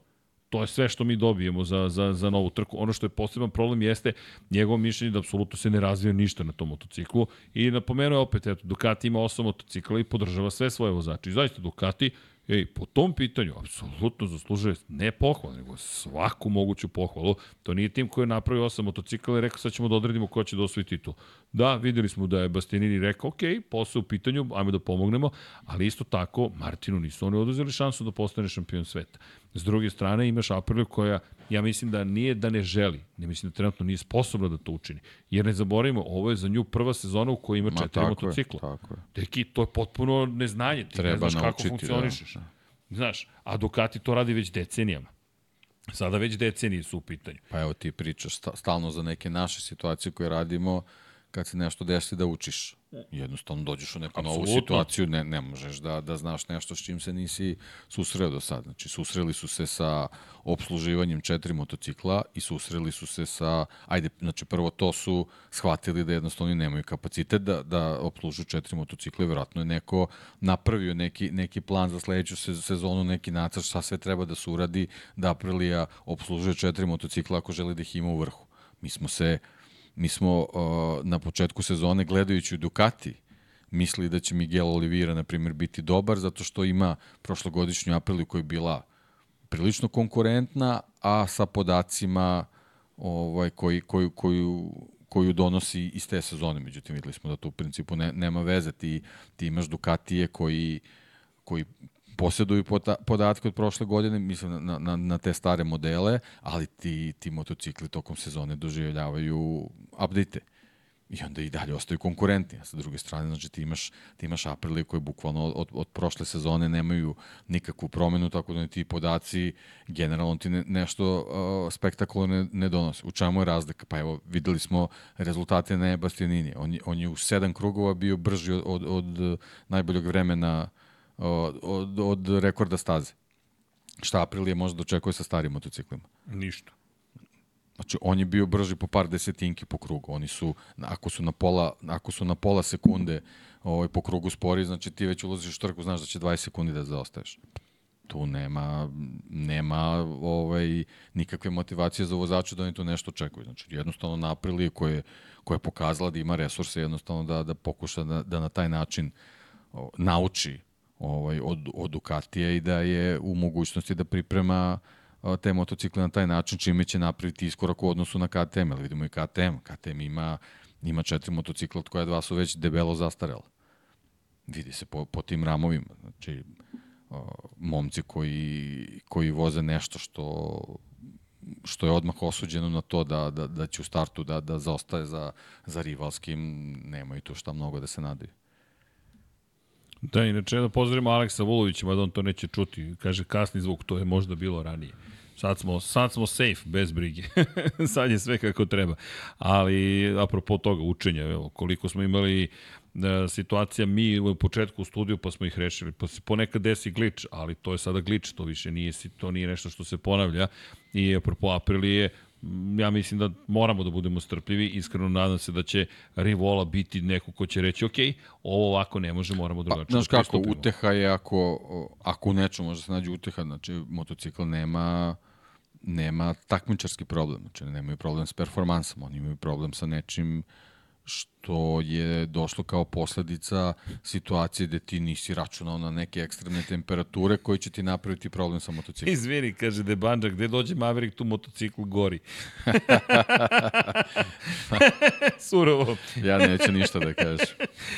Surovo, ali dobro, do, nije loša, nije loša, nije loša, moramo priznati. E, da pozdravimo sve koji su nam se sad pridružili. Ljudi, treba like, ljudi. Da pozdravimo Maverick. E, da pozdravimo Maverića. Maveriće. Evo ga, imamo navijača. On navija, čovjek, vlada navija za Zauber i za Maverika Vinjalesa. Sad, tumačite to kako god želite, ali čisto da znate kako stvari funkcionišu. Čovjek je, eto, neko ko je, ko je u tom fazonu. Čudan čovjek. Čudan čovjek beše vlada.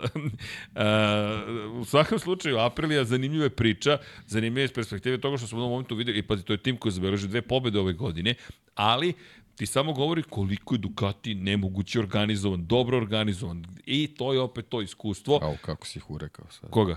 Ducati da je organizovan. U, zapiši ovo, molim te gde je da nađemo. Au, Biće gotovo. ono, gde je guma, gde je točak, ala Ferrari.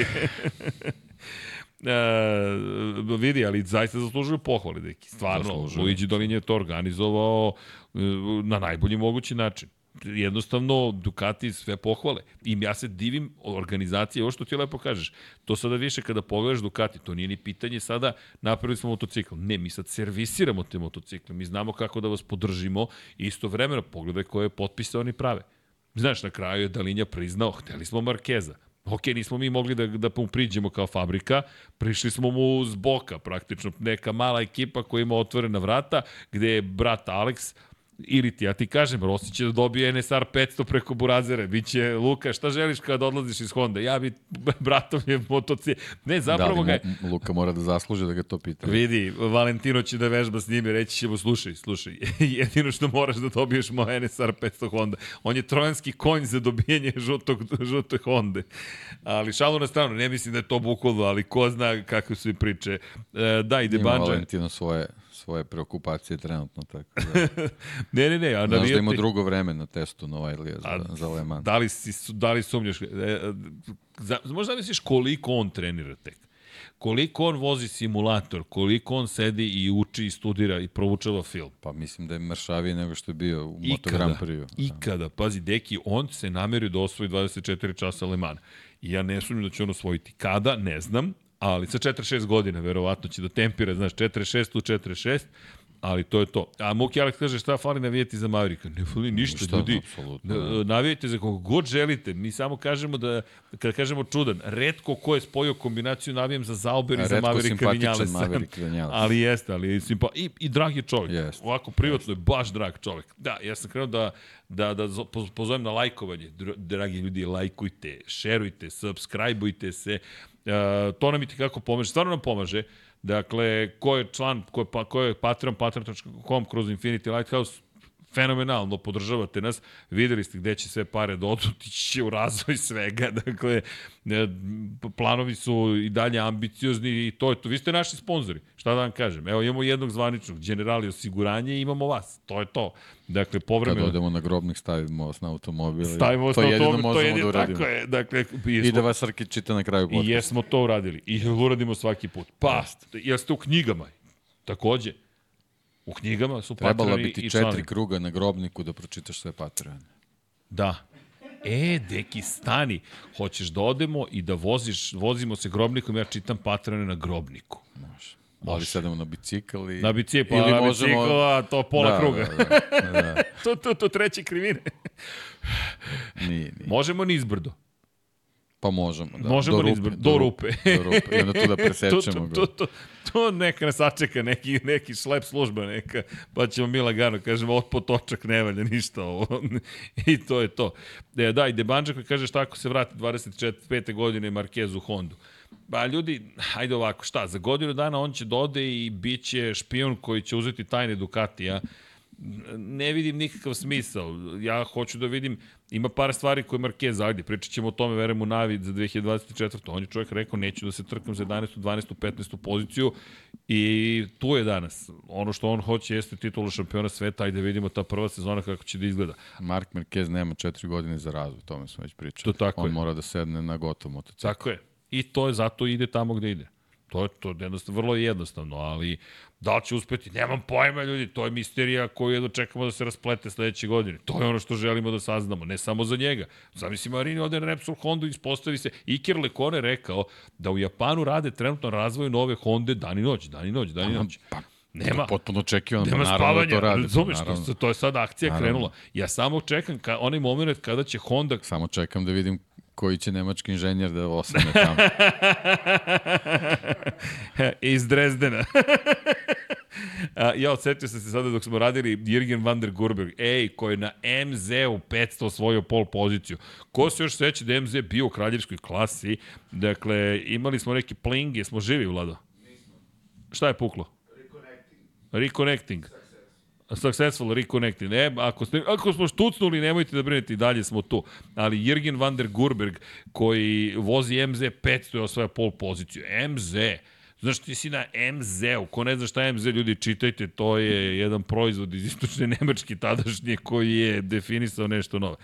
E, kaže Aleks Vulić, se reci mi Srki, ko nije uspeo na Ducatiju, a daj me mu- neuspeh koji zna koliki je radnik i kakav šampion. Ja ne kažem da Su samo... na MZ-u krivili auspuhe. Jesu, kako Bili nisu. su ravni pa su ih Jesu. dizali gore, ali to je MZ Da, bio. tako da, je, da, tako je. Mas, čekaj, ma šta se, šta Bravo. se sve radilo. Da, evo Dragan Matić koji kaže da Ducati 2024. ukoliko ovako bude. Aldeguer Banjaja, Bastianini Beceki, Marquez 1, Marquez 2, Martin Morbidelli. Znaš, Potpuno promešano Pa, sve. Pa, pa, vidite, su, pa, či, to je, ej, Ducati ima all-star tim, bukvalno, to je ono Dream Team si skupio otprilike. Jer ja ne znam, znaš koga, kvartarara još da potpišeš i mira. I to je to, ti si završio posao sa šampionima i, ne, znaš, ono, Vinjales, znaš, ne znam, misliš, šta, šta hoćeš. Po, po, po, a, kaže, Srki, koja nova knjiga je pobedila na storiju? Koja nova knjiga? Ja nemam pojma ni šta kažete, ljudi. Jesmo stavili neki... Ček da vidim, mi ne znamo šta nam se dešava na društvenim mrežama. A, čekajte, čekajte da saznamo. A, nova knjiga. E, šampioni. A, pomisli, e, čekaj, ali, e, haha, dobro. A, čekajte sada, da, sad moram, čekajte sada da, da saznamo ovo. Prvo, da, dajde vidimo kakav, šta, šta. E, sad ćemo. E, sad ćemo samo da vidimo, je to neki story? Vlado, smo imali neki story? Ajde, deki, da vidimo svi zajedno šta je pobedilo. Nemam pojma, da imamo nove knjige. E, dobro, čekajte da se prebacim na Infinity Lighthouse, e, Instagram nalog, pa da vidimo o čemu se to radi. To je naša koleginica Ilovača. Čekaj da vidimo story. Re, knjige sa kraja univerzuma. Aha, da, to su naše. Koja je naša sledeća knjiga? Aha, šta biste volili da čitate? A nemam pojma. Kako to da vidim, deki? A to će moći kasnije valjda da se vidi. E, ljudi, nisam dovoljno vičan da bih mogao da vam... View responses, view responses, evo ga. Čekaj da vidimo, engage... ne, to su engagementi. Ja hoću responses da vidim. E, pa pobegli su mi negde. Nemam pojma kako da vidim responses. Uh, preneće vam naša koleginica Jelena, koja se time bavi, tako da, evo ga, uh, ima um, Max, ima svega, tako. E, pa evo, stigli su, pronašao sam ih. O, deki, kakav upitnik je ovo bio. Uh, ne znam ko je pobedila, moram da vam priznam, ali dobro. Možda pozdroviš uh, svetioničara novog. I da pozdravimo novog svetioničara, čekajte. Uh, imamo novog Galeksić, već član 15 meseci, kaže Đorđe Martinović do pobede. Ko je Đorđe Martinović? Nemam pojma. Šta je sad to? Jesam na, naseo na neku Ajde formu. polako. Dobro. Šta je sad? Đorđe Martinović. Đorđe Martinović. Jorge Martin.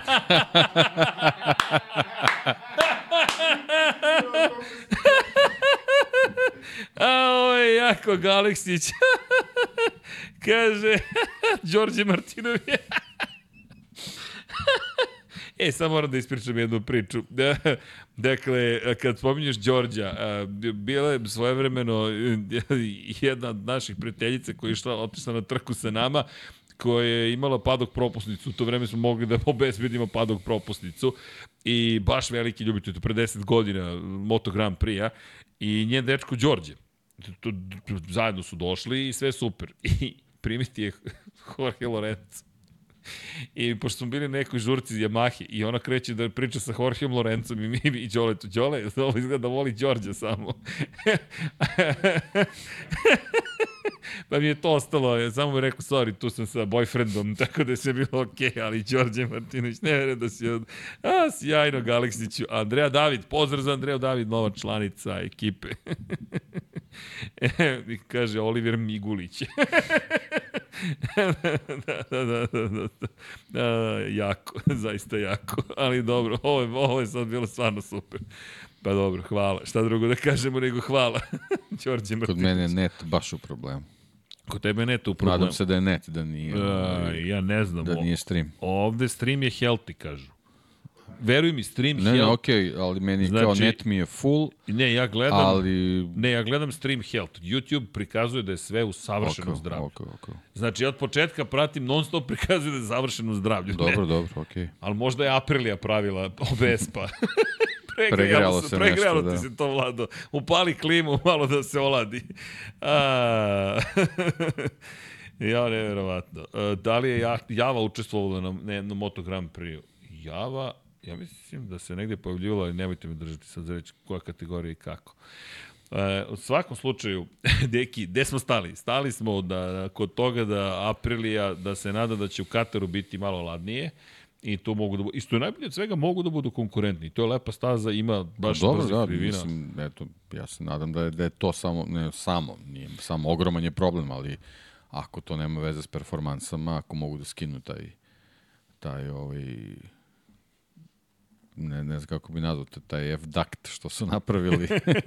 Da, F O, uvodnik. Da, F, F uvodnik, uvodnik. da. Ovaj, F uvodnik. Ako mogu bez toga, onda nadam se da ćemo ih imati bar kao ovaj, u jednom delu te, te ove, ove sezone na početku.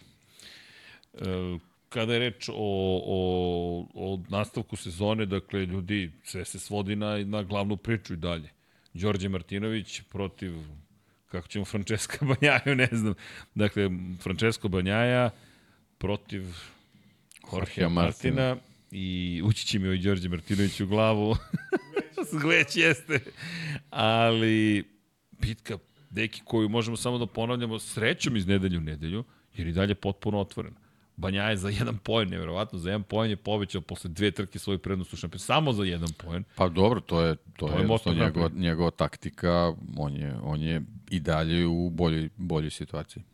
I, I kada govorimo o ostalim vozačima, ono što smo mogli da vidimo, Jurnjeva se svodi na kvalifikaciju u velikoj meri. Moraš da budeš u prvom startnom redu. I videli smo Bastianini kada je svoju treću poziciju u kvalifikacijama, mišljenja sam da je to bilo kritično za, za sve ostalo. Jer onda u sprintu, ok, učiš, saznaješ, radiš i ono što je on rekao, start mora da bude bolji. Da. Start zaista mora da bude bolji. Kada pričamo o Kataru, ljudi opet, dugačak startno ciljni prac, preko 1000 metara, ima dugačak put do ulaska u prvu krivinu. Tu će kočenja biti kritična i onda naravno, i tu imamo situacije gde Yamaha može da dođe do izražaja, ne očekujem da će se Yamaha pojaviti u borbi za pobedu, ali da će možda Quartararo i Morbidelli biti pristojni. Honda, što kaže Marquez, tradicionalno smo ovde bili loši. Čak i u najboljim godinama Honda je to bila loša. Ali Paul Espargaro prošle godine je bio drugi na, u Kataru, pa eto, možda se neko čudo desi sa ovom verzijom Honda. S druge strane, Aprilije, držimo im palčeve da bude nešto hladnije. KTM, Brad Binder je bio prošle godine na poziciji broj 3, na pobedničku postoju se popeo, borio se sa Polom Pa, za drugi, KTM kažemo, Pol. bit će standardno tu. Eto, Ajde, ta- standardno Tako da ih, da ih nekako, ovaj, a sad, ovaj, gde će biti do, do cilja, to sad više zavisi od vozača nego do, do samog KTM. E, da, kada je reč o da li istina da su inženjeri Honda koji su bili Danilo Šaković pita angažovani na razvoju Formula 1 do ove sezone prioritisani razvoj MotoGP motocikala, ako je to istina, bit ih više nego svih ostalih inženjera. To je dobro pitanje, zanimljivo pitanje. Šta se desilo kada je 2020. godine Honda rekla, saopštila da se krajem 2021. povlači iz šampionata sveta Formula 1, što nije učinila. HRC, Hondina trkačka korporacija, prvi put u svojoj istoriji inkorporirala program Formule 1 u svoje redove. I prvi put ste mogli da vidite HRC kao potpis na bolidima Formule 1. To ranije nije bio slučaj. Ti programi su bili odvojeni. HRC se bavio ovim trkanjem koje sad ovde vidite i drugim formama trkanja, motocross, Dak- Dakar i tako dalje, tako dalje. Ali Formula 1 je nekako imala posebnu priču. Od tog momenta Formula 1 je ušla praktično u HRC. Pričali smo o tome, možda i to uticalo na neku vrstu reorganizacije, veći fokus na tome da se osvoji titula sa Maxom Verstappenom i Red Bull Racingom su to uspeli. 2022 potpis na, na Red Bull je bio HRC do velike nagrade Japana i osvajanje druge titule za Maxa, kada je odjednom Honda ponovo osvanula tamo, malo je tu trik napravila ekipa iz Japana, da ne kažem proizvođač iz Japana, tako da postoji sigurno neka interakcija. Red Bull Racing je pomagao ove godine KTM-u. S druge strane, Honda jeste rekla da će pomagati Moto Grand Prix ekipi, u kojoj meri, kako i koliko to ne znamo. Mnogo se promena desilo. Ken Kavući je stigao iz Suzuki-a, Mark Marquez odlazi, Pole Spargaro koji je razvio taj motocikl je otišao, imamo s druge strane Aleksa Rinsa koji je došao, imali smo situaciju gde Kal Kračov koji godinama unazad razvio tu Hondu više nije u veliku tu, Alex Marquez je neko vreme bio tu bez većih uspeha, pa se prebacio na Ducati. Takaki Nakagami ne želim zaista da zvučim uvredljivo, on je čovjek kao da je u aktivnoj penziji.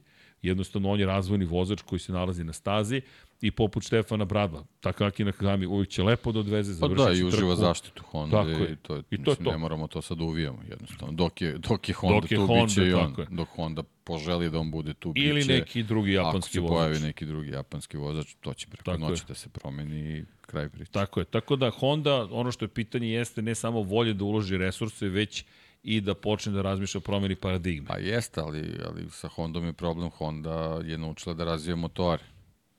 Znači ti imaš sa trenutno gigant u Formuli 1 Red Bull Hondu, gde je Red Bull ovaj, pristupio KTM-u i očigledno im je pomogao u razvoju ovog, ove nove novog rama od, od ugljeničnih valakana, od, od, od nekih novih materijala, njihovu primjenu ili iskustva i tako dalje tako dalje, dok sa druge strane Honda o, sa razvojem pogonske jedinice je verovatno ovaj, u mnogo manjem problemu nego odeljenje koje treba da razvije šasiju za taj motocikl. Tako da ovaj, tu Honda iz Formule 1 ne, ne može da donese neka, neka ovaj, iskustva koje su u ovom trenutku potrebna ili da donese inovacije, ono što smo ispričali da pričali ranije da Honda ovaj da bi u ovom trenutku najbolji trenutak za Hondu bio da da pokuša da uradi nešto da da pre, eh, da preskoči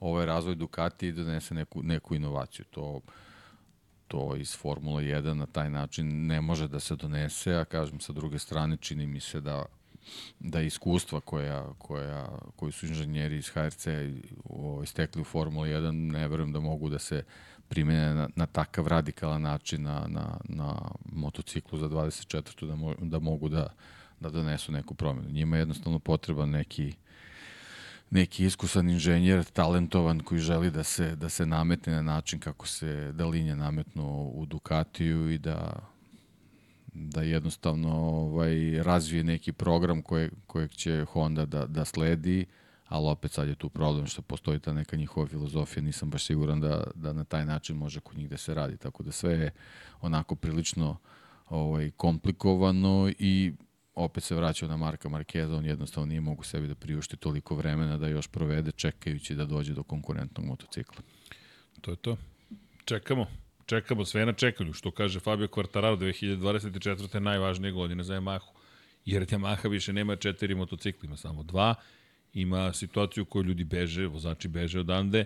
On je taj koji jedini donosi rezultate. Stiže Alex Rins, to ono što ne znamo šta može Alex Rins u celoj toj priči. Meni je to fascinantno, jer Rins je pokazao da može da siđe sa Suzuki, sedne na Hondu, za koju svi kažu da je nemoguće i pobedi. Nažalost se povredio, ali hajde da vidimo šta može da učini. Zašto Sada se povredio? Zašto se povredio? Honda opet problematična. I sad imaš situaciju da on dolazi na Yamahu, koja je mnogo sličnija Suzukiju nego što je Honda bila Suzuki. Fascinantno videti njega, šta on može da... Znaš šta će da se desi na kraju? Alex Rins će biti prvi čovjek koji će pobediti na tri različite motocikla u Moto Grand Prix kategoriji, ne računajući 500 kubika. Pošto je to Loris Capirosi već učinio. Na Ducatiju, Yamahi i Hondi. Pobedio je dakle na Suzuki u Rins, pobedio je na Hondi, pobedit će na Yamahi. On će biti prvi pre Jacka Millera i pre Mavericka Vinjalesa. To je neko možda čak i od vas rekao. Kaže, Diđa u VR46, da li više zaslužuje on ili ipak neko iz Moto2 i ko? Stevan Zekanović donirao 5 eura i 99 euro centi. Hvala, hvala Zeko, Zeka, 75. E, dakle, pa ajmo ovako. Fermin Aldegera svi žele, jer u njemu vide novo otkrovenje nek, ne, nekog potpuno novog. Dobro je pitanje. Deki, ti da se pitaš, da li bi angažavao Fabio Di Antonija, koji poznaje motocikl, italijan je, nije član akademije, ali zašto mora da bude nini Fermin Aldeger, ili Fermin Aldegera koji je sad ušao u formu gde ima dva treća mesta za redom i dve pobjede? Pa dobro, zavisi šta su ambicije VR. U, u smislu tog nekog uh, uh, isporučivanja takmičarskih rezultata, ono, da kažemo, instant, DJ, naravno čovjek koji već dve sezone u, u Moto Grand Prix, naravno da, da bi imao prednost, a opet sa druge strane, uh, zbog neke filozofije VR46 Akademije, Aldiger bi onako bio pravo osveženje za, za, za sezonu, ali kao i u, slučaju u Luke, što mi nije baš ono potpuno jasno, ovaj, to njegovo angažovanje u Repsol Hondi, sa druge strane bih odobrio jedno i drugo vezano za, za VR46. Bilo bi mi drago da Diđe ostane u šampionatu, a sa druge strane baš bi bilo lepo da vidimo tako neočekivano neko novo lice u Moto Grand Prix-u i, i da nas, da nas onako iznenadi svojim rezultatima to, to je to. I jedno i drugo mi I jedno i drugo za. ima, da. ima da, da, za. Da, da. Imaš, ne mogu kažem čak ni protiv, nego je samo što pa ti nema, kažeš da, šta ti je da, cilj. Tako je, šta tako želiš je. zapravo da postigneš u celoj priči. Ali pazi, Diđa, znaš šta mi samo kod Diđe problem? Što tek kada je došlo do toga stani pani otkaz je profunkcionisao. Sad ne znam da li je to slučajnost ili je to zaista bio konačni motiv koji ga je pokrenuo, što isto legitimno. Ej. Da, mislim da je i slučajnost, da, možda su možda legle staze i taj neki moment. Ne, ne verujem da je sad kao probudio se kod njega neki inat, eto, gde, ne inat, gde možda... je sad, pa gde je sad taj pa, moment? Da, okej. Okay, nije a njegov timski kolega Jasne. Hara, ha, Maleziju. I ima njegove podatke. Da. I može da vidi šta radi. Da, to je, to je činjenica. Ne znam, DJ mene je kupio u, u Red Bullovom kupu Novajlija, ali sada moram priznati da bih više naginjao ka Aldegeru, ali sad, naš nepoznati, nepoznanica Aldeger. Aldeger, gde i dalje vidim Anu Aldeger. Aldeger je sve super sada, ali Aldeger nije imao duel ni jedan u skorije vreme. Hoću da vidim ponovo da li će kao sa Ćelestinom Vijetim, da. kada se pojavi neko koji je grub u, u, u duelu, ponovo popustiti. Jer to mi je najveće pitanje. Jesi ti sada prevazišao Vijetijev potez iz Argentine prošle godine, kada ga on tako nasilnički se odbranio, ne nasilnički, rekao, nema šanse da prođeš gde je ovo izgubio kontrolu motociklom, okrenuo se par puta, sedeo na motoru i posle toga godinu i po dana se oporavljao čovjek, tek sada se oporavio. E sad, imaš brzinu, da li imaš i duel? I sad me zanima u Kataru, i da se dotaknemo teme koja je ostala za kraj, Pedra Koste. Da li će Pedro Costa sada kao novo krunisani šampion sveta Moto2 klase reći je čekaj Fermine, ajde da se sada trkamo, jer par stvari. Prvo hvalospev. Teki. Sad je, hvalospev je najveći u tome što smo mi tako veliku priču ostavili za kraj. Čovek je, dečko je, u tri sezone u šampionatu sveta osvojio dve titule. Moto 3 klase iz prvog pokušaja u jednoj jedinoj sezoni takmičenja u toj kategoriji. Moto 2 iz drugog pokušaja, pri čemu prošle godine imao prelom butne kosti. Ljudi, butna kost kad pukne, to je najveća kost u ljudskom telu i najjača zastrašujuće, on se od svega toga oporavio i ove godine imao povredu i ove dve trke bio ruki, ruki godine uz, uz povredu. Tako je, prošle godine uz povredu bio na Vajlje, tri pobjede zabeleži u prvoj sezoni svoju u Moto2 klasi, dobio ugovor trogodišnji s KTM-om na kraju prve sezone u Moto3 klasi i došao sada u situaciju da već prelazi u Moto Grand Prix i ti ja smo skeptični po pitanju onoga što KTM čini, a što ga vodi u gas-gas, ali okej, okay, možda bude Kvjat Verstappen kombinacija u nekom trenutku s Millerom, vidjet ćemo. Ne, ne navijam za to, samo kažem da me ne bi iznenadilo. Momak je, kada pogledaš, uradio nešto što je nezapamćeno. Nikada do sada nismo imali šampiona iz prvog pokušaja Moto3 klase, koji je potom dve godine kasnije osvojio Moto2 titulu. Da. A to delo je kao da se podrazumevalo. I to i, i nekako svi ti njegovi rezultati koji učini ove godine i razlika koju je ostvario u odnosu na rivale nekako deluju kao da je nešto potpuno očekivano i, i nešto što ne, ne zaslužuje neke pohvale, a momak još nema 20 godina. Nema 20 godina. On je tinejdžer. Ajkula, tinejdžerska da. Ajkula. Sa ovim, čekaj ovako, de, gledamo ovo. A, dobar moj potez.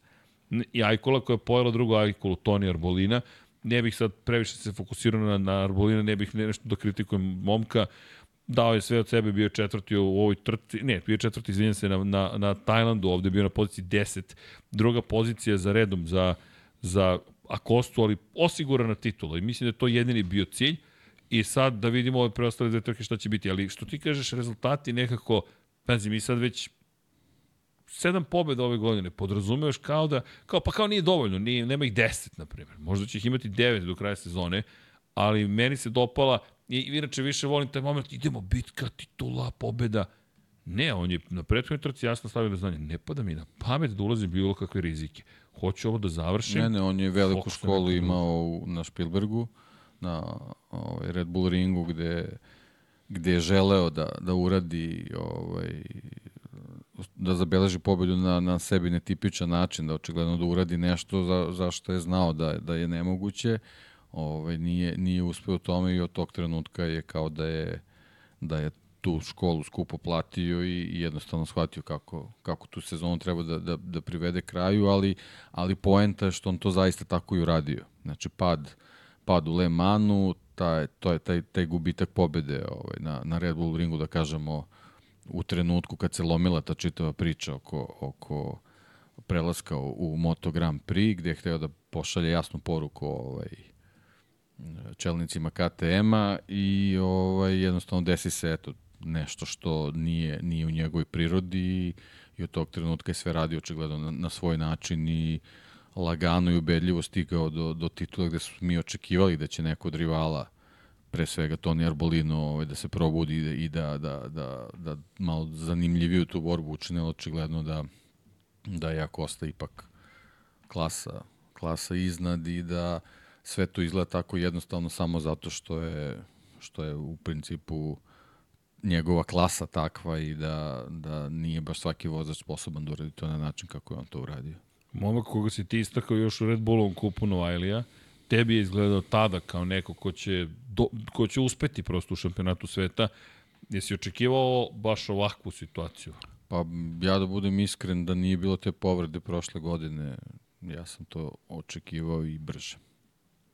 Što je tek nestvarno. Da, da. da govorimo o tome da nije imao čak ni vremena da bude debitant u, u Moto3 klasi, a nije nemoguće da bi to osvojio. Da, ne, nije nemoguće da bi došao do toga. Da. Inače, ono što je zanimljivo, da kada govorimo o o, o nekim stvarima, to je Moto Grand Prix istakao, zanimljivo da je zapravo Kevin Švanc ime koje se obožava u njegovoj porodici. Njegov otac je voleo Kevina Švanca, što mi je zanimljivo zašto, zato što je Valentino Rossi obožavao Kevina Švanca. Imao je taj da, Kevin pa dobro, Švanc nešto eto, prilike, u celoj priči. Ovaj, nemamo 34 na gridu, tako? Nemamo.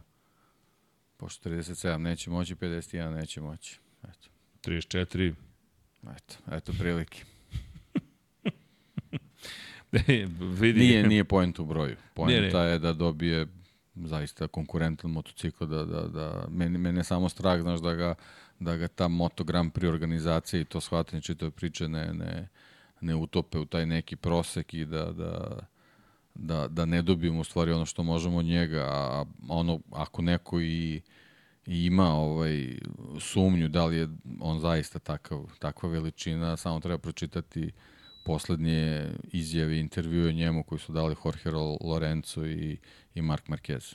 I pazi sad ovo, ime koje ću spomenuti, znaš kome je jedan od najvećih prijatelja? Remy Gardner. Remy Gardner, pazi, mora da se pojavi Remy Gardner. Baš su veliki prijatelji I zanimljivo je, to je, kažem, Moto Grand Prix, tih 10 stvari koje možda nismo znali. Remy Gardner jeste njegov veliki prijatelj i lepo što održavaju kontakte. Paco Marmol, njegov trener, je takođe uz njega, ali ako se pitate, na primjer, evo par zabavnih momenta oko, oko Pedra Koste, zašto ga zovu Ajkula, Pa zato što njegova porodica je zapravo ribarska porodica. I jedan od prvih, jedna od prvih oznaka za njihovu kompaniju jeste bila ljuta Ajkula. Tako da Ajkula neki omaž porodici. I jedna od stvari koja je takođe zanimljiva da se nekada plašiju motocikala, sada ih se, ne da se ne plaši, ne, ne, ne, ne, nego naprotiv, ali čovek koji, eto, je najmlađi, najmlađi od petoro dece, e, zapravo i ne zapravo, on je, ima dve sestre, izvinjam se, dve sestre starije, a kada pričamo o prosto onome što negde još znamo o, o Pedro Kosti jeste da je napisao biografiju Pedro Kosti, ne znaš ko? Jaime Alguersuari. ko ne zna, se vratite se da. u Formulu 1 dok je imao 17 godina. Izgooglajte ko je. Neispričana priča. Da, I... šokantni ulazak u Formulu 1.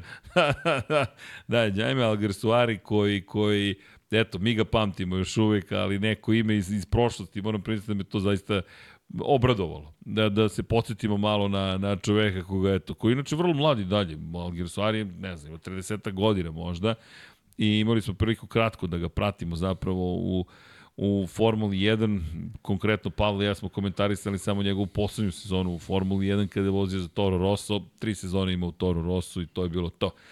Nije nikad u stvari neke veće rezultate, ali dobro, čovjek koji je posle otišao u Formula 1 i tako dalje, tako dalje. Zanimljive prosto veze Algersuari koji piše knjigu o Pedro Acosti. I zašto ovo spominjem? Pa zato što o Pedro Acosti smo tako mnogo toga rekli tokom sezone, Šta možemo da kažemo? Ljudi, Mark Marquez smatra da će Pedro Costa biti veliko ime u Moto Grand Prix-u. Svi čekamo da vidimo šta može da učini. Jorge Lorenzo je vrlo ozbiljne reči upotrebio za Pedra Kostu. Rekao je kada talenat podrži takva disciplina i takav rad kakav ima Pedro Costa kojeg smatraju perfekcionistom, onda dobijete ovo što smo mi dobili, a to je da je čovek gotovo nevidljiv bio u ove dve trke u koje je osvojio titulu šampiona sveta.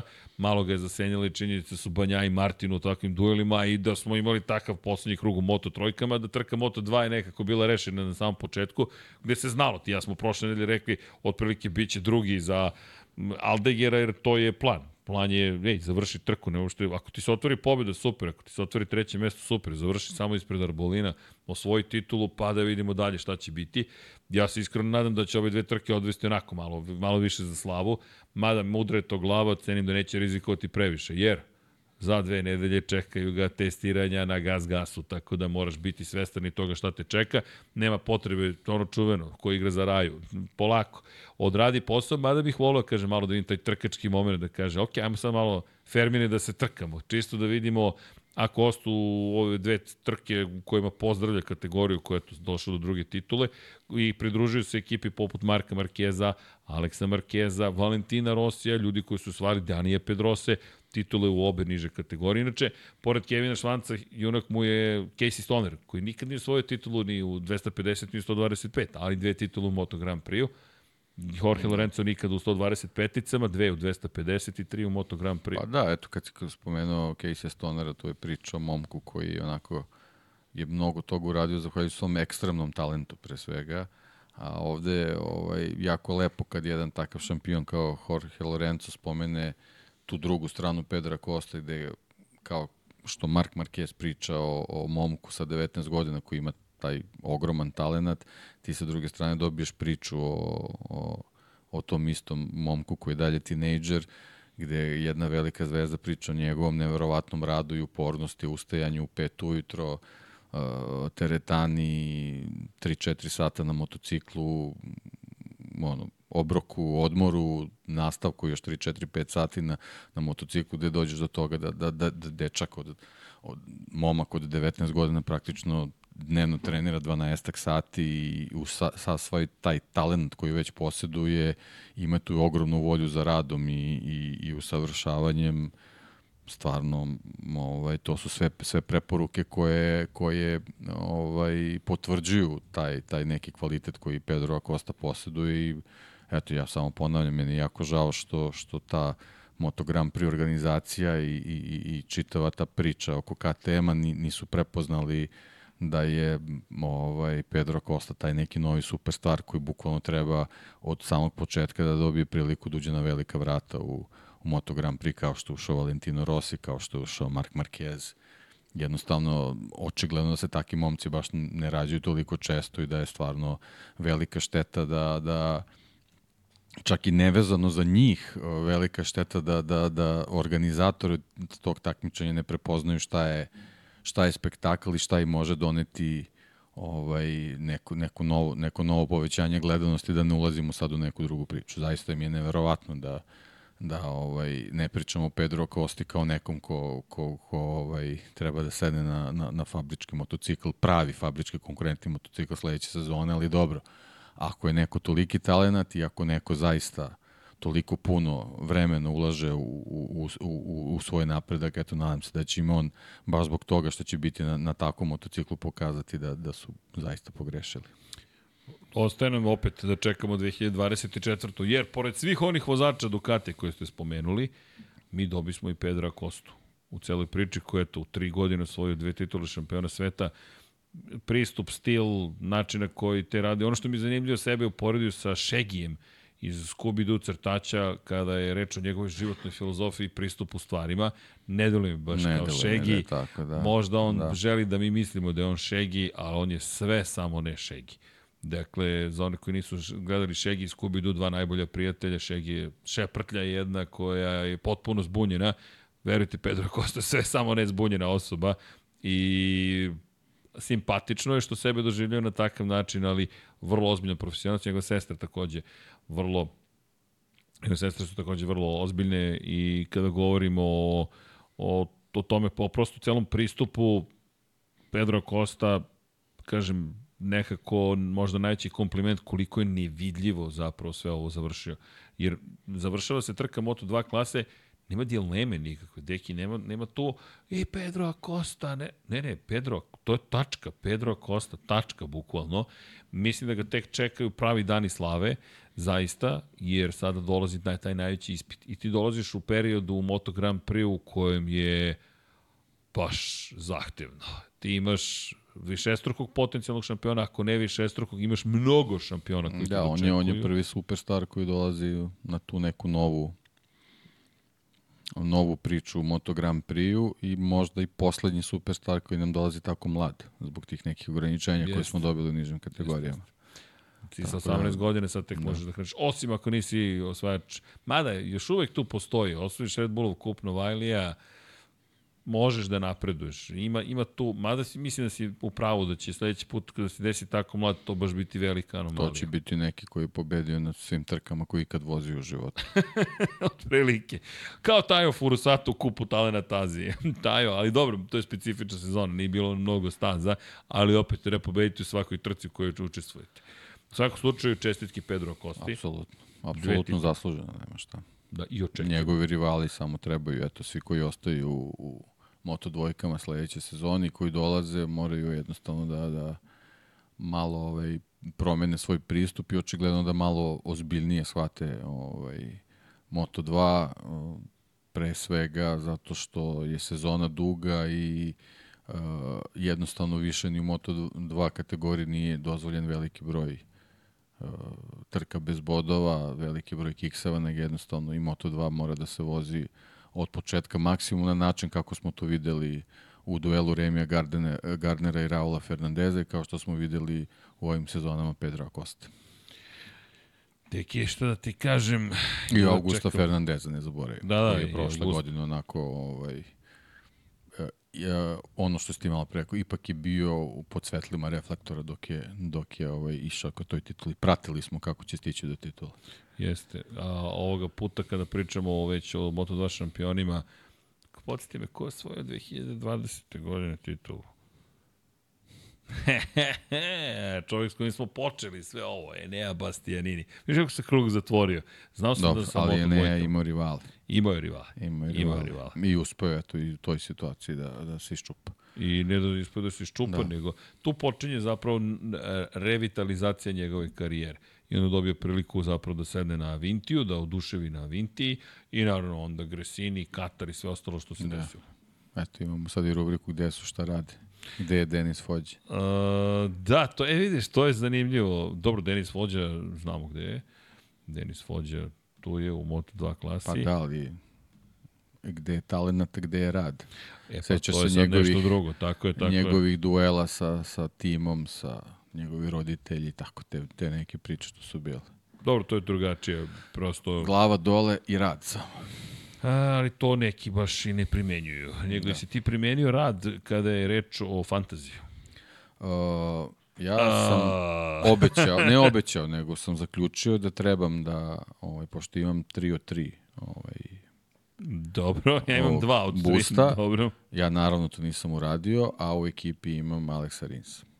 Tako da... O, Aleksa, Aleksa Marquez. Marqueza. Tako da ne moram uopšte ti govorim kako sam prošao u fantaziju. A, dobro, ja ću ti reći kako sam ja prošao u fantaziju. Ne, ne mogu baš mnogo da ti se pohvalim. Mada ne mogu to da uradim s obzirom meni sad opet internet ne radi. Ja sam na 588. poziciji, samo da znaš. Pa ja sam malo bolji od tebe, ali crvena strelica na dole, tako da ne, ne Inače, radim internet. Realno. Maverick Vinales je u postavi Jorge Martin, Miguel Oliveira i Jack Miller. Ne znam zašto sam Jacka još uvek ostavio u mojoj ekipi, ali Jack otpušten si. Tako da znate, Aleksa sam inače otpustio zbog Jacka, tako nešto sam briljantno izveo. Sad slušajte pažljivo koga otpuštam, jer da znate koga šta čeka. Da, da ubacim je Nevo, šalim se, nećemo ubacivati neko. Znaš kako? Ja nemam dovoljno novca, jednostavno. Ne mogu. Ja Toliko sam loš imam- bio da mi budžet ekipe Ja katastrofa. 5,3 miliona. Ja jedino da prodam banjaju pa da tu nešto probam da uradim, ali ne znam da, vidimo. mi se to sad isplati. Ko bi mogao stvarno da A pobedi u internet mi ne radi, tako da to i ne mogu, što znači zaboravit ću i ništa. To je to. Znaš šta, ko bi mogao? Ko bi, da, pa da, se. pa zbog, da. interneta, da, da, da, da. Koga bih ja mogao da ubacim, deki? Znaš šta, ja ću stavim Beca. Evo ga, Marko, ti tu, a u srebrne ćemo da stavimo Fabija Diđan to, nemam pare. Nemam pare, za koga, nemam pare ni za koga. Ubaciš Beca i nemaš pare ni za koga. E, ja ću da ubacim Joana Mira. Confirm trade. I sada, čekaj da vidim kako primenjujem boost. Boost, boost, boost, boost, boost. Nemam pojma, toliko sam davno primenio boost da... E, znaš koga, evo, boostujemo. Ajmo da boostujemo... Evo, Jorge ćemo da... Đorđe ćemo da boostujemo. I to je to. Ja sam spreman za Katar. A kada govorimo o našoj ligi, u fantaziju, koja je na poziciji broj 1, Jug Bogdan drugi ima još jedan boost na raspolaganju, dakle da vidimo da li Katar ili Valencija se koriste. 2918,25 poena. Lemi 46 i drugi. 1609 je treći, treća, ne znam. Štefnik Racing, pozicija 4. Omer FC Inter, pozicija broj 5. Mesija 6. O, Mesija se vratio u igru. Da vidim šta je Mesija odigrao. Martin Banjaja, Beceki, Alex Marquez. Uuu, izgori, srebrni vozač 24,25 poena. Dobro, Ordanić 1, sledeća pozicija, zatim Brka 21, pa Juventino, Agent 007. To je vodećih 10, pročitat ću čisto uh, shout out za dva, dva, do 20. pozicije, Adam Međica VR 46, Picigin Racing Team, Škoda Fabia, Team Music 9, Pivo Pivo, Jovan, Vranje, Ivo Lediz, Reding 45, zanimljivo, i Pop. To je vodećih 20, ja sam na poziciji 588, Deki ne radite internet. Ne mogu da ne znam koji si. Search for a friend, Dejan Potkonjak. Ali ti si Žakare pa gua. 542. O, deki, moram da te stignem. Moram da te stignem. Imao si Miguel Oliviru, e, nula pointa, zero Krompir. poan. Krompirče, Joan Mir, Krompirče, Banjaja 34, Alex Marquez 24-25 kao srebrni. Samo ga staviš Da u bio- zlatne, pa da, boostuješ ga da. i ti si u prvih 400. A sam zaboravio boost. Nemoj sad da dobro. zaboriš, jer to se ne sme zaboraviti. Ostaće mi jedan, nisam pot, trebao sam potrošim pošto su tri trke. Ali... E, znaš šta treba sledeći put izvini da uradimo? Sa fantazijom da krenemo. Znaš, Da. da fa, krenemo, prvo da imamo ko je Dok nismo kako, umorni, da. Onda neću zaboraviti. ko je kako prošao sa fantazijom. Uh, jesi, šta radiš u četvrtak uveč? Pazi šta ćeš reći. Spremam se za put. Kako vađenje. Istina. Ne, da ideš. Idem u Valelungu. Stvarno? Da. Jao, jao. Nisi ni prijavio, ko zna šta ideš Pa. da radiš. Znam šta ideš da radiš. Sve znaš. Čekaj, to nije u redu. To, to da ti ga, to nije u redu. Znači, na vezu očekujem poziv jednog dana. To ćeš malo da kameru poneseš. Pa vidjet ću šta O, se ma, dešava. malo, da, da, da. neki telefon. Probat ću neki reel dan prije Pa nešto, to da naučim kažem, ja nešto. Deki, kao Deki ne zna. Da. Pa ne znam ja to. Da Moraš više da se angažuješ na- te društvenim mrežama. To, da. Ne, ne, ne, ne. Samo ti nama pošalji i bez brige. E, može tako. I kolab, Može. kolab ćemo da opalimo. Samo da li uspravno ili položen, to ćete mi samo reći. Ti samo pošalji i aktiv kolab. to ti je aktiv kolab, to je ekipa iz Novog Sada, ne znam da li još uvek se koristi, ali dobar softver. Evo, besplatna reklama. Dobra ekipa. Makar su bili, ne znam da li su prodali kompaniju. Da, Valelunga prošlog vikenda je bilo bila trka super trofeo Lamborghinija Evropa, sledećeg vikenda je svetsko finale. Voze se trke Evropa, Azija, Amerika i onda je za vikend najbolji vozači iz ta tri šampionata voze svetsko finale. I onako, fešta Lamborghinija. Čekaj da vidimo ovo. E, da vidim, da vidim, čekaj, ovde mi javlja mi se Igor Marković nešto pita za Formulu 1. E, To je bilo deki, juče. To je bilo, ne, ne, ne, ne, ali čekaj, čekaj, čekaj. Ajde. čekaj. Kad krećeš na put? Ili nešto mnogo rano? Ne pitaj me. Da, četiri ujutro, a? Da, mozak me boli od tih Aj, jutarnjih aj, aviona. Aj, aj, aj, Strašno. Mhm, dobro. A, mislim da moram da budem u pola pet na aerodromu ili četiri. Imam neku 15. ideju. De, šta imamo u četvrtak? Jel, s- aha, su pomerili, a, i- a, dobro. Deki, a, dobro, posle ćemo da se dogovorimo, ali imam neku ideju dok nam je Hasan u Vegasu. Znaš, No, to se spominju juče. Da, da, da, ali vidio si za Cadillac. Pa mislim da bi Da. bilo u redu da napravimo nešto na tu temu. Ali dobro, to ćemo sada da izve, veće staraca će da izveća, pa ćemo da se sve dogovorimo i organizujemo. Jel može? Mhm. Eto vidiš, prvi put da pokušavam da, da se organizujemo iza kulisa, ne mora baš uh, uživo. Uče me nekim stvarima i Paja i Deki. Jel tako? Sam bio, sam bio dobar juče. Apsolutno. Da, minirali ste me od jutra do sutra, ali dobro. E, čekaj, izgleda da je neko nešto ovde učinio, a da ja to nisam ispratio, što nije lepo. E, da vidimo... E, kaže Igor Marković nešto se konsultuje oko Moto E i Formula E, tako je, tako je. Kaže bolje u četiri na aerodrom nego u dva. Aleksandar Milosavljević, naš dragi Aleksandar. E, Srke, ako se titula bude rešala u Valenciji da posle trke radite podcaste kao Abu Dhabi. Pa deki, ja mislim da je to skroz u redu. Ne, iskreno to sam htio ti predložim. Da u nedelju ček, ček, radimo Moto Grand Prix Aha, aha, podcast. pa, mislim da je to okej. jedino biti. Ante Ledenko, kada će majice u Hrvatskoj? E, radimo upravo na tome, Ante. E, sad kada smo bili na sajmu, smo upoznali do- dosta ljudi, pa ćemo vidjeti ko može da, ko zapravo može da ih prodaje u, u naše ime, pošto je to trenutno najbrži način i najjednostavniji način da se obavi trajni izvoz iz Ma i Srbije. to i najjeftinije stvarno. I onda ne morate da Da. plaćate carinu. Jer jednostavno to ćemo sve mi da pokrijemo, završimo i to je to. I da izbegnemo ove situacije vezano za ove štrajkove i ovo, jednostavno da, da budemo nezavisni po tom pitanju. Tako je.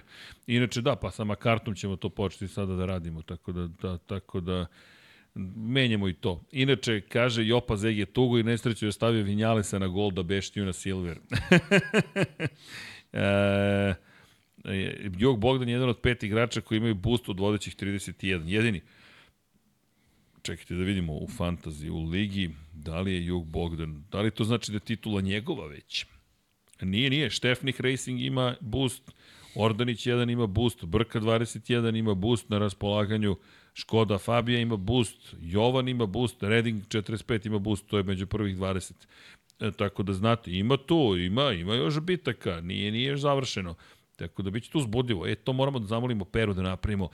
Jao, ajmo da napravimo mi našu najavu. Ko pobeđi u Fantasy Ligi? Lab 76, zvanično je. Pred kraj sezone, situacija je ta, ta, ta, ta, ta, ta, ta i ta. Ej, aj ovako. Ko je Jug Bogdan drugi, Lemi 46 i vodećih 10, 20. Ajte nam se javite na, na e-mail lab76 at infinitylighthouse.com da napravimo veliko finale mi, pozovemo igrače kako se osjećaš, da li si uzbuljen, uzbuljen koliko ti ovo znači, koga bi da pozdraviš, pa sad pozdrav drugarima, mama, tata, sponzori, ekipi, a? Ljudi, javite se. Ne, sutra ide na Reels. Sutra Helena Ilovačo, naša draga, dakle, na Reels da napravimo poziv svima, ćao svima, e, to ćemo to posle, male, posle Katara. Posle Katara ide poziv. Javite se da napravimo specijal za Fantasy ligu Lab 76, veliko finale. Vlado, i pehar uživo, tako je, pa pravili smo mi kao dodelu pehara, ali ne, sad ćemo ceo Pehar u event. gastrošoru. Ja, pehar, tako je, dole u novom prostoru, dodela pehara, vatromet, uh, žurka, parti veliki. Jao, Vlado, to ti kažem. Um, znaš šta ćemo da uradimo sada? Ništa, posle Katara, to moramo... Znaš šta možemo da uradimo? Vlado, Zoom. Zoom, imamo profi, Zoom, sve skupimo ljude na Zoom i ajmo kako se ko osjeća, da, da li je drama, da li ćeš nam otkriti tajnu, koga planiraš da izabereš, kako planiraš da pristupiš celoj ovoj situaciji i to je to. Oh, top, eto, eto nove ideje, rodila se u glavi. Ko će voziti za tebe sledeći? Ko će voziti za tebe sledeće sezone? To, da, to, to, to, ti to. sigurno reći. Da. Znaš, da li možete menadžeru da nam otkrite kako ste došli do ovako velikog uspeha i kako pristupate zapravo pripremi za vikend? Zašto birate tu, određeno... tu, tu, tu. Dođi da ti kažem. Do, ne, dodeljujemo trofej Hana Šmic. Kao najbolji strateg, strateškinje, kako god da se kaže. Znaš, Red Bull ovo ono. Ali, moramo da imamo, ne, Ross Brown trofej, ipak je on. Znaš, kroz istoriju i penzionisao se čovjek. E, u svakom slučaju, Deki, ja mislim da smo pokrili većinu stvari, informacija, ideja i svega ostalog. E, sve je okej, samo bez vatrometa. pa da, onom zatvornom prostoru, da, da. Srki, Deki, Ronin Imamo mi i baštu. Imamo i baštu. E, i danas dobio nove informacije za baštu. Kaže Ognjen Radivojević, Srki, Deki, Rory Skinner, Sean Dylan Kelly su otpušteni zbog OnlyFans. Pa Rory Skinner, Sean Dylan Kelly, ja koliko znam, nisu otpušteni zbog njih, nego su prosto želeli Markosa Ramireza i Joe Robertsa da imaju u svom timu. To je to, to, je, to, je, to, je, to, to je ono što ja znam. Ajde da istražimo da nismo nešto propustili. Da, inače, koliko vidim, struja, struja poigrava, Da, pleše nešto, struja. nešto večeras. Pleše Meni- struja. Meni internet i dalje imam sliku u pikselima, kao imam net, ali je katastrofa. E, Da, da, inače, e, čekaj, ako se bude šta, to, to smo odgovorili, kada će majice, to smo odgovorili, ja ne znam da li ti to nešto znači, ali upravo mi je legla jedna guma na Alfi Romeo na asfalt. Kako, kako? Legla jedna guma na Alfi Romeo na asfalt. Legla guma, kao, mislite, ispraznila se ili, nadam se da je sve redu ide banđa. Las Vegas. Aha, aha, aha. E, vozi se Las Vegas, dobro. Mario Kro kaže, nema pitanja, samo konstatacija ste najjači i zahvala na primu koju ste nam pružili na Interliberu. Hvala i samo nastavite tako. Ma hvala vama, Mario, za prim koji ste vi nama pružili. Bilo je mnogo lepo i emotivno i stvarno je bilo super. Tako da hvala vam. E, ali baš, baš hvala. Srki, pitaj Dekija, Mi smo i dalje pod utiskom, inače, čisto da znate, nego pokušamo da to ne pretvorimo u podcast od 18 časova, ali baš snažan utisak. E, kaže Ognjen Radivojević, Srki, pitaj Deki šta misli o posteru u Las Vegasu za trku F1. Pa rekao je Deki Juče sam rekao. Da. Rekao je Deki juče. Ognjene, pogledajte, tamo pred kraj podcasta smo Sad ne pričali. znam da li mogu sebe da iscitiram. Zaboravio sam šta sam rekao, mislim da sam rekao sačuvaj Bože. E, da, ja Čini mi se da to je bio rekao. Ako je to komentar, onaj da. Luis gde stoji sa Russellom i sa Saincom, sa Da. Tigrom i dole su Max, Leclerc i... Da. Ko je desno tamo? Ko je u bolidu? još? Lando. Lando, Lando, da, Lando, Lando. E, Srki, e, šta mislite o taktici Dragan Matić da svi u Kataru rizikuju 3 sekunde kazne zbog pritiska u gumama? Pa to mora se dogovore. I onda je okej. Okay. Svi Da. dobiju po 3 sekunde. Da, da, da, da, da, pa dobro, pazi, da. To, to mi onda liče na bojkot. E, da, da, ta klasičan bojkot. Ali to mora se dogovore. Tako je, tako je. E, Debanđa kaže, Srki, zaboravio si možda kraj karijere Masije. Nije on rekao da se da je njemu kraj karijere.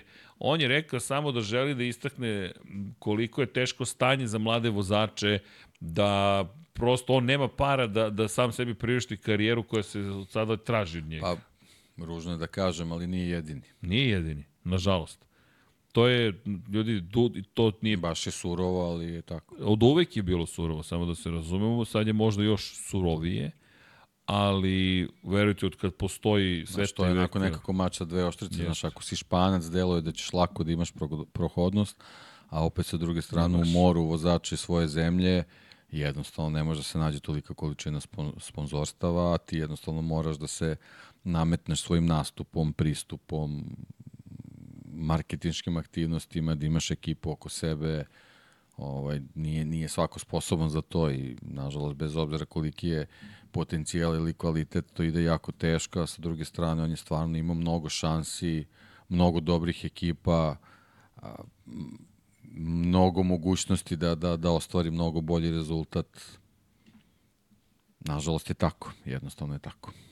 E, vidi, ti, ti možda i najbolje znaš koliko je zapravo taj problem dugo, dugo traje. Ne dugo traje, koliko dugo traje to već. I mi imamo od početka, inače, a, gde su nam šampioni? F1 šampioni. Dakle, i tu imate priče o tome kako su, evo iza, iza. Hvala, Vlado. Kako su zapravo mnogi vozači morali da prihvataju ulaz u Formulu 1 na svaki mogući način, jer nisu imali budžete. Dakle, Nigel Mansell je prodao kuću, sobstveno, da bi mogao da plati učešće u Formuli 1. Njegova prva zarada je došla Pa ozbiljnije. dobro, da, ali to su priče, mislim, meni suza neće krenuti zbog njih, nego volao bih, eto, ti, ti momci iz tih zemalja da dođu, recimo, na naše prostore pa da vide šta to znači. Tako da nemam, nemam uopšte, kako bih rekao, uopšte me takve situacije ne pogađaju, jednostavno u nekim razvijenim zemljama automotosporta poenta je kako se snađeš. Znači, za svakog od njih je otvoren put i samo je ovaj poenta da, da, da, da, da svoju karijeru vodiš ili prepustiš nekome i da je, da, je, da je držiš na pravi način i sigurno ćeš nešto u njoj raditi. Kod nas jednostavno priča je mnogo, mnogo teža, mnogo gore i ne znam kako bih, kako bih to rekao, ali jednostavno što se tiče Jaume Masi, on je, on je mnogo imao prilika u, u karijeri, da li, da li, eto, zbog, zbog manjka sreće ili, ili nečega drugog to nije uspeo da uradi, ali jednostavno to je to je surov sport ovaj, sa, sa te strane ovaj, kad se priča o automoto sportu, jednostavno je tako. Da, no vidi, kad pričamo o tom, o Mansellu, i- ja to posmatram drugačije, u na nekom opštem nivou, slažem se s tom, još je teže kada dolaziš iz pozicije koja je na, na, na prostorima gde stazu nemaš Grand Prix, kamoli da pričamo o ekipi ili nečem Ma, drugom. apsolutno, Ali, ali isto tako posmatram to sa humane ljudske strane daš, i kao m, pokazatelj toga da kada si spreman da rizikuješ dokle moraš da ideš čak i u razvini zemlje, u tom da, smislu. da, da, da. I da je to surovo, pa je surovo. Ne, hoću da kažem, poenta je, kuću. poenta je da ovde i, i da prodaš kuću, opet ništa ne bi radio. To, Pa, je, to je, ali To, dobro, da, eto, to je dodatna priča. biće tako je, prilike tako je. da, da imamo podcasti na tu temu. Da, to je A to imamo momke tema. koji su sedeli u ovom studiju i, i samo oni znaju koliko je dricanja i novca i svega i opet ništa. I imat ćemo, ja se nadam, prilike da pričamo i sa gospodinom Kotorom, na primjer, koji je s druge strane posmatrao situaciju kako zapravo jednu ekipu organizovati, da obezbedi određenom vozaču sve to što treba da obezbedi. Jer me ne zanima njegovo, hoću njega da čujem iz perspektive ovoga što se desilo sa Vejerom i, i, i sa Sakim.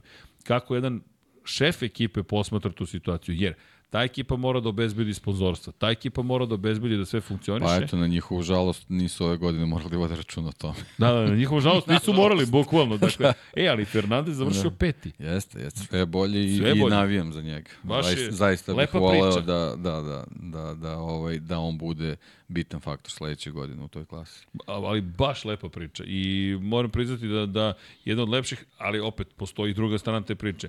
Neko je mora dobiti otkaz da bi taj neko dobio priliku. Tako. To ti je Jednostavno, život. surovo je, ali je tako. Tako je. Tatsuki Suzuki, ali je Tatsuki Često zato je dobio... nepravedno, ali, ali je tako. Ali vidi, Tatsuki je zato dobio ugovor sa Husqvarnom. Tako da, snaći će se sledeće godine. Deluje da, da svako je dobio svoje mesto pod suncem. Ne dešava se baš uvek tako. Sad za Rory Skinnera ne znam kako će biti situacija. To Rory Skinner koji dobije jednu priliku. Ono što je problem kod Skinnera, imaju dvogodišnji ugovor. To ništa ne znači. Neko je došao i rekao, ej, klauzula ta i ta, evo isplatit ćemo ti to i to i aj ćao. Ma on ne želi da ga bude isplaćen, on želi da vozi još jednu sezonu, da se pokaže i dokaže.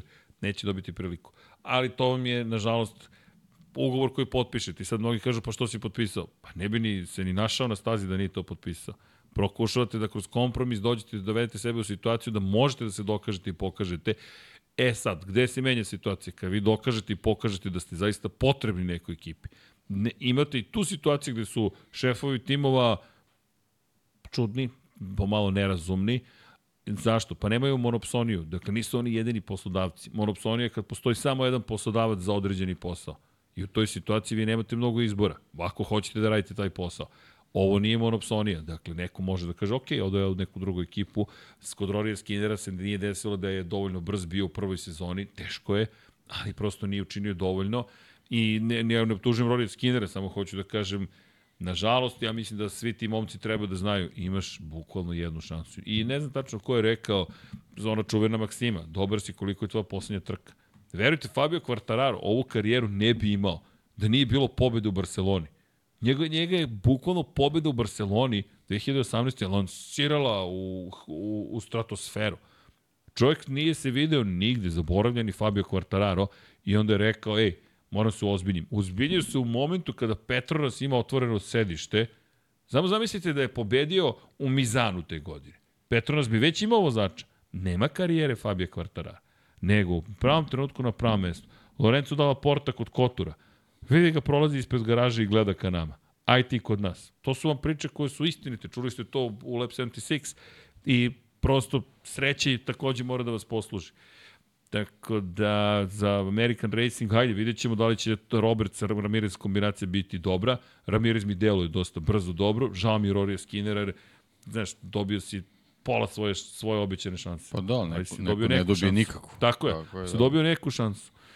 Stvar perspektive. Tako Krenuli je. smo od Jedi, završavamo sa Jedi-ima. je li to u redu? Sasvim. E da, ja vam samo da spomenem, Slavko Jagović, vaše komentar na pregovore o koncesijama za Honda i Yamahu i stav KTM ja da se Ducatiju postave neka ograničenja umesto toga.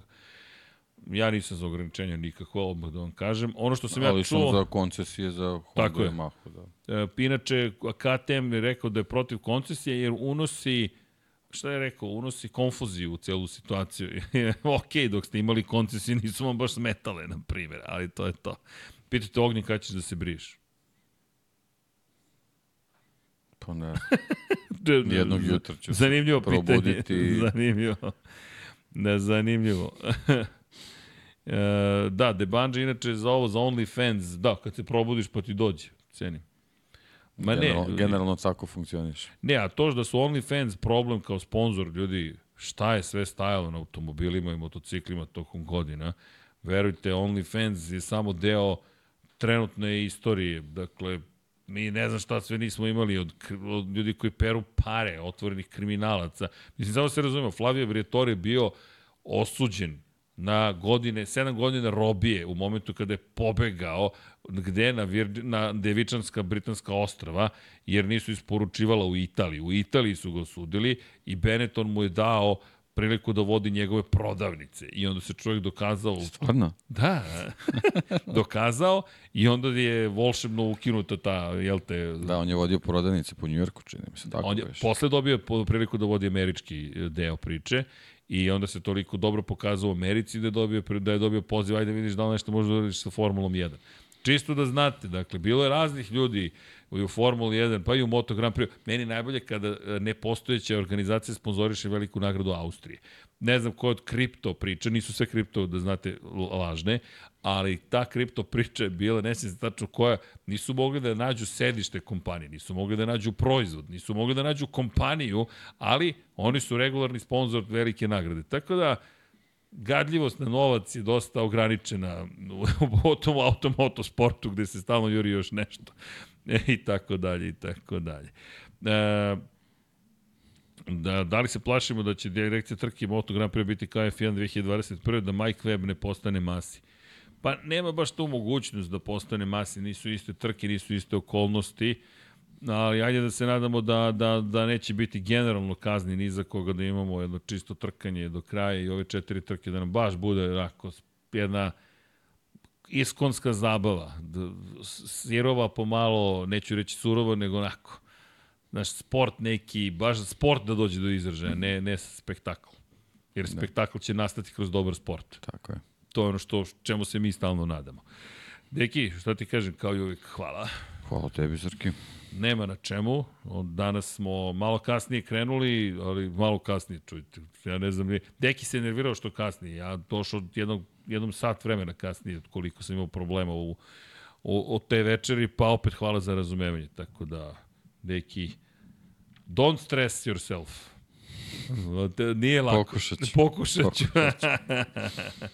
e, e, a što se tiče sprint trka, ajde da sačekamo kraj sezone, daćemo svoje. Da, ima, imaćemo par podcasta tako do početka tako. nove. Tako je, tako je. Da, e, to, to, to, čuvamo. E, ali da. ja bih stvarno, devojke su bile, spremne su bile da ovako stoje ovde i spremne su da uđu u studio i da sednu. Ja kažem, pa ajmo to da organizujemo. Ja mislim da Ništa, da to treba ajmo, ajmo tokom zimske pauze po jednu na treću stolicu. I, Tako je, pa ajde, šta Pa da, sad? E, da da ne? organizujemo za neke mlade ljude, znaš, da, ajde dođite da časkate o uvek sam za to. Moto Grand Prix. To je odvojeno od redovnih podcasta, napravimo za vas, ne znam, ško, školica, Lab Ma, imamo 76. sad ove prostor, imat ćemo druženje, imat da. sve. Ok, mislim da bi to bilo skroz u redu. sam za to. Možeš da naučiš nekog ovde. Može. Imaćemo, imaćemo prostora Može. i apsolutno sam za to. Nadam se da će, da će neko to i prepoznati, da nam malo pomogne u čitavoj priči i to je mnogo lepo. Jeste, pa i mislim da je lepo da, jer čujte, eto, pričamo o prilikama. Evo, mi smo spremni da kažemo, ljudi, hoće neko da priča, dođi da se upoznamo, imamo redovne emisije, ali ajde da napravimo i, ne znam, školske emisije. Pa, eto, damo nekome da bude voditelj, uči, kako se uči, tako se uči. Prosto sednete i krenete od nule. Mi smo voljni da to učinimo. Zašto? Pa zašto da ne? Dosta jednostavan koncept. Deki, baci kosku. Ptž, volim tvoj idealizam koji dalje provejava kroz tebe tako realnog. Neko je rekao, mnogo si realan. Je, kad biste rekao ko nadrealan zapravo, da- u Dalijev muzej da ga smestite. Ali dobro, tome ćemo pričati kad budemo ponovo radili Kosmos emisiju. Znaš koliko kritika sam dobio za Kosmos? I, jao. I kritika, kritika, kad će kosmos, zašto ga nema? Prestali ste, ja kažem ljudi da preživimo, pa da ćemo, ja, baš je bilo onako zahtevno, ali verujte, kosmos je i za nas onako boljka, srce, ej, samo znaš, provučena struja, stigli kablovi, studio je sve bliži kompletiranju i nije skadar na Bojani, Vazi, u septembru smo ušli, evo novembar i ljudi, a majstori su se pojavili tek 15. oktobra. Dobri smo, do kraja godine bit će to cakom pakom. Vlade si video novog, šta sve izgleda? Pa dobro, video si ono, osnove. Jesi zadovoljan? Reći ću ti posle. dobro. To znači ne, ali neću ti kažem javno. Ali sam ti upravo rekao javno. Ej, ljudi, pozdravljam vas u ime cele ekipe. E, polako ali sigurno, eto, ulazimo u veliko finale sezone. Dobili smo prvog šampiona sveta, Pedra Kostu u Moto2 kategoriji. U Moto trojkama potpuno je sve otvoreno. Dakle, Masija protiv Sasakija, na to se svodi sada bitka. Da li postoji šansa da David Alonso opet se nekako uključi? Vrlo mala, 41 poen zaostaje sa Masijom. Ovo je bila ključna trka za njega, bila je ključna trka i za Daniela Olgada. Olgado teoretski Za. Oš, tako i Ondžu, Ondžu jedino što teoretski ne može više da bude šampion, pošto zaostaje 51 poen. Ne njegovom krivicom. Ne njegovom, ali- Ali eto, i takve su sezone jednostavno. To, Desi to. se. Prosto se desi za njegovu utehu tri pobjede u karijeri. Ej, razbijen je taj, da kažemo, ciklus odsustva pobjeda. David Alonso, nova zvezda u povoju, mislim da Može i on da bude zadovoljan. Da. Ali ajde sad da ne da ne analiziramo da. sezonu, tako je. Tako U je. svakom slučaju, 13 poena između Masi i Sasakija, 14 poena između Banjaje i Martina. Ne može bolje od toga, ljudi, dve trke, pre, dva trkačka vikenda pre kraja, četiri trke u Moto Grand Prix, dve sprint, dve klasične i dve trke klasične u Moto3 kategoriji.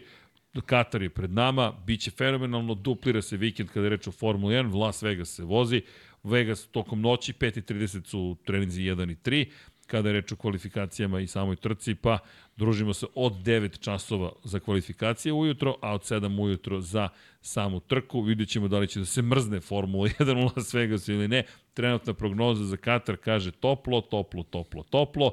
Iako će kiša padati u četvrtak, trebalo bi ipak sve da bude kako treba za Evo da vidim Doha, da, četvrtak i dalje, kaže da je kiša u, na, najavljena, držimo palče da neće padati u petak, subotu i nedelju, ali ukoliko bude padala, opet će im dozvoliti da se trkaju, a što se tiče Vegasa, očekivana temperatura da 11 stepeni bude tokom noći, Očekujem. Raste. Raste, da, da, raste.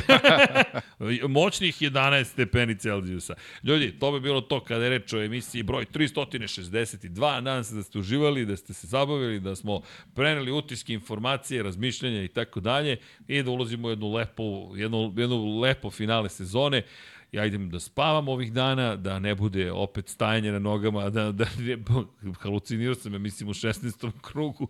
Nisam bio siguran šta je bila prethodna rečenica, ali nekako je to sve prošlo kako treba. Pitao sam posle, ljudi, je li bilo sve u redu? Nije mnogo, malo se samo brko nekad imeno u nekom trenutku, ali nije strašno bilo. Par puta se samo da, jednom si se čak i ispravio, tako da... Okay. Tako da sam bio dovoljno svestan. Okay. ok, hvala deki, da li sad mi je lakše malo, znam da mi ti rekao da je bilo, da je bilo nepravilno. Ne, ne, sve je bilo okej. Okay. Neregularnosti.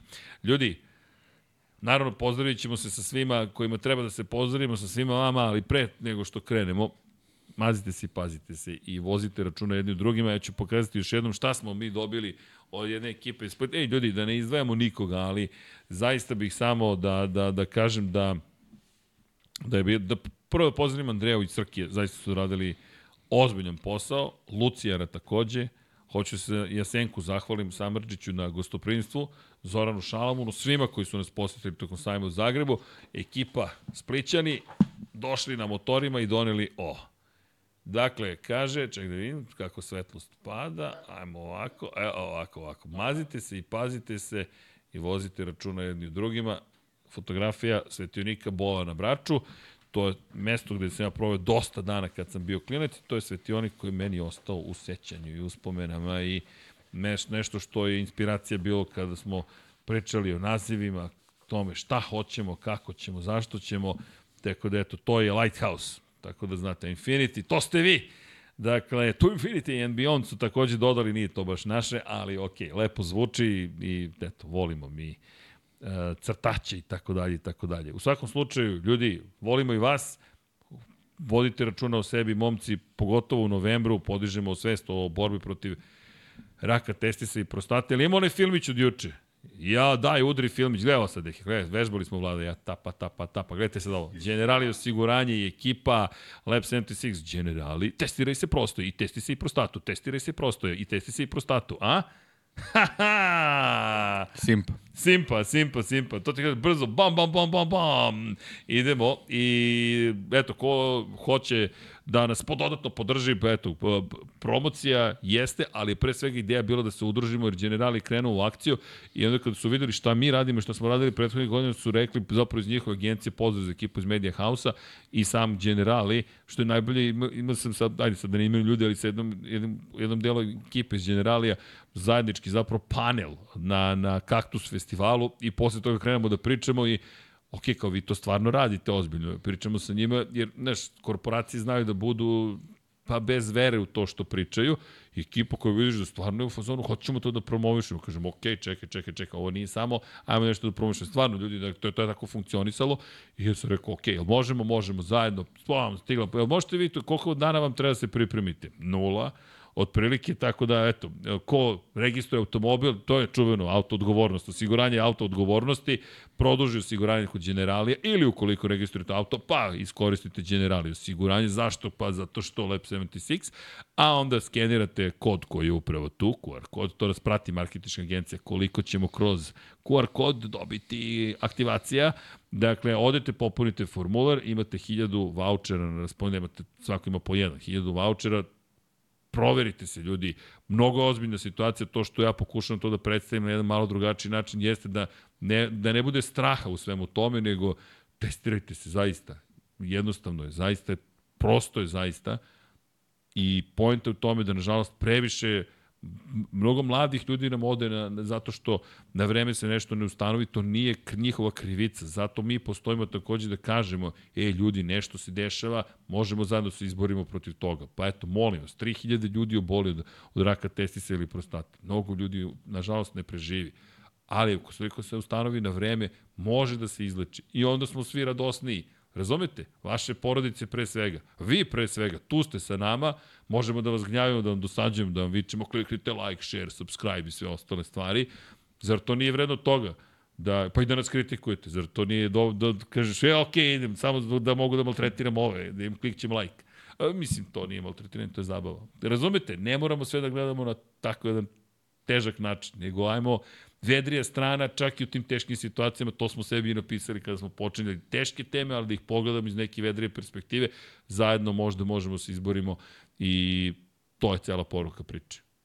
Ja hoću da se zahvalim, još jednom, krajnje emotivno, svima za sve ove godine, ništa se ne završava, samo u momentu kada, eto, tri i po godine radimo neke stvari, nestvarno neke stvari dalje izgledaju i mi smo zaista zahvalni na tome. Deki, Paja, Miksa, Jimmy, Vlada, Vanja, ne znam, koleginica iz prodaje, marketinga, Ilovača, imate od Dom Pabla pozdrave, Srki Veliki, Pera, Nikola, Bogdan, kogod je prošao, Ivica, Vlada, nemam pojma koliko ljudi je i tu i dolazi i prolazi i odlazi i dolazi ponovo ne, ne znam da sam nekog zaboravio ko sedi za stolom, nadam se da nisam, više ne znam, ni, ni, ni, ni, ni ne mogu da se setim svega, svi koji su tu sa nama, što se tiče Infinity Lighthouse-a kao kanala, ljudi, pređu smo 40.000 pretplatnika i dalje, to neka nestvarna grupa ljudi ogromna za nas i predivna. Eto, pa samo hoću da iskoristim to što smo zaista živjeli mnogo emotivnih trenutaka sada, konkretno u Zagrebu.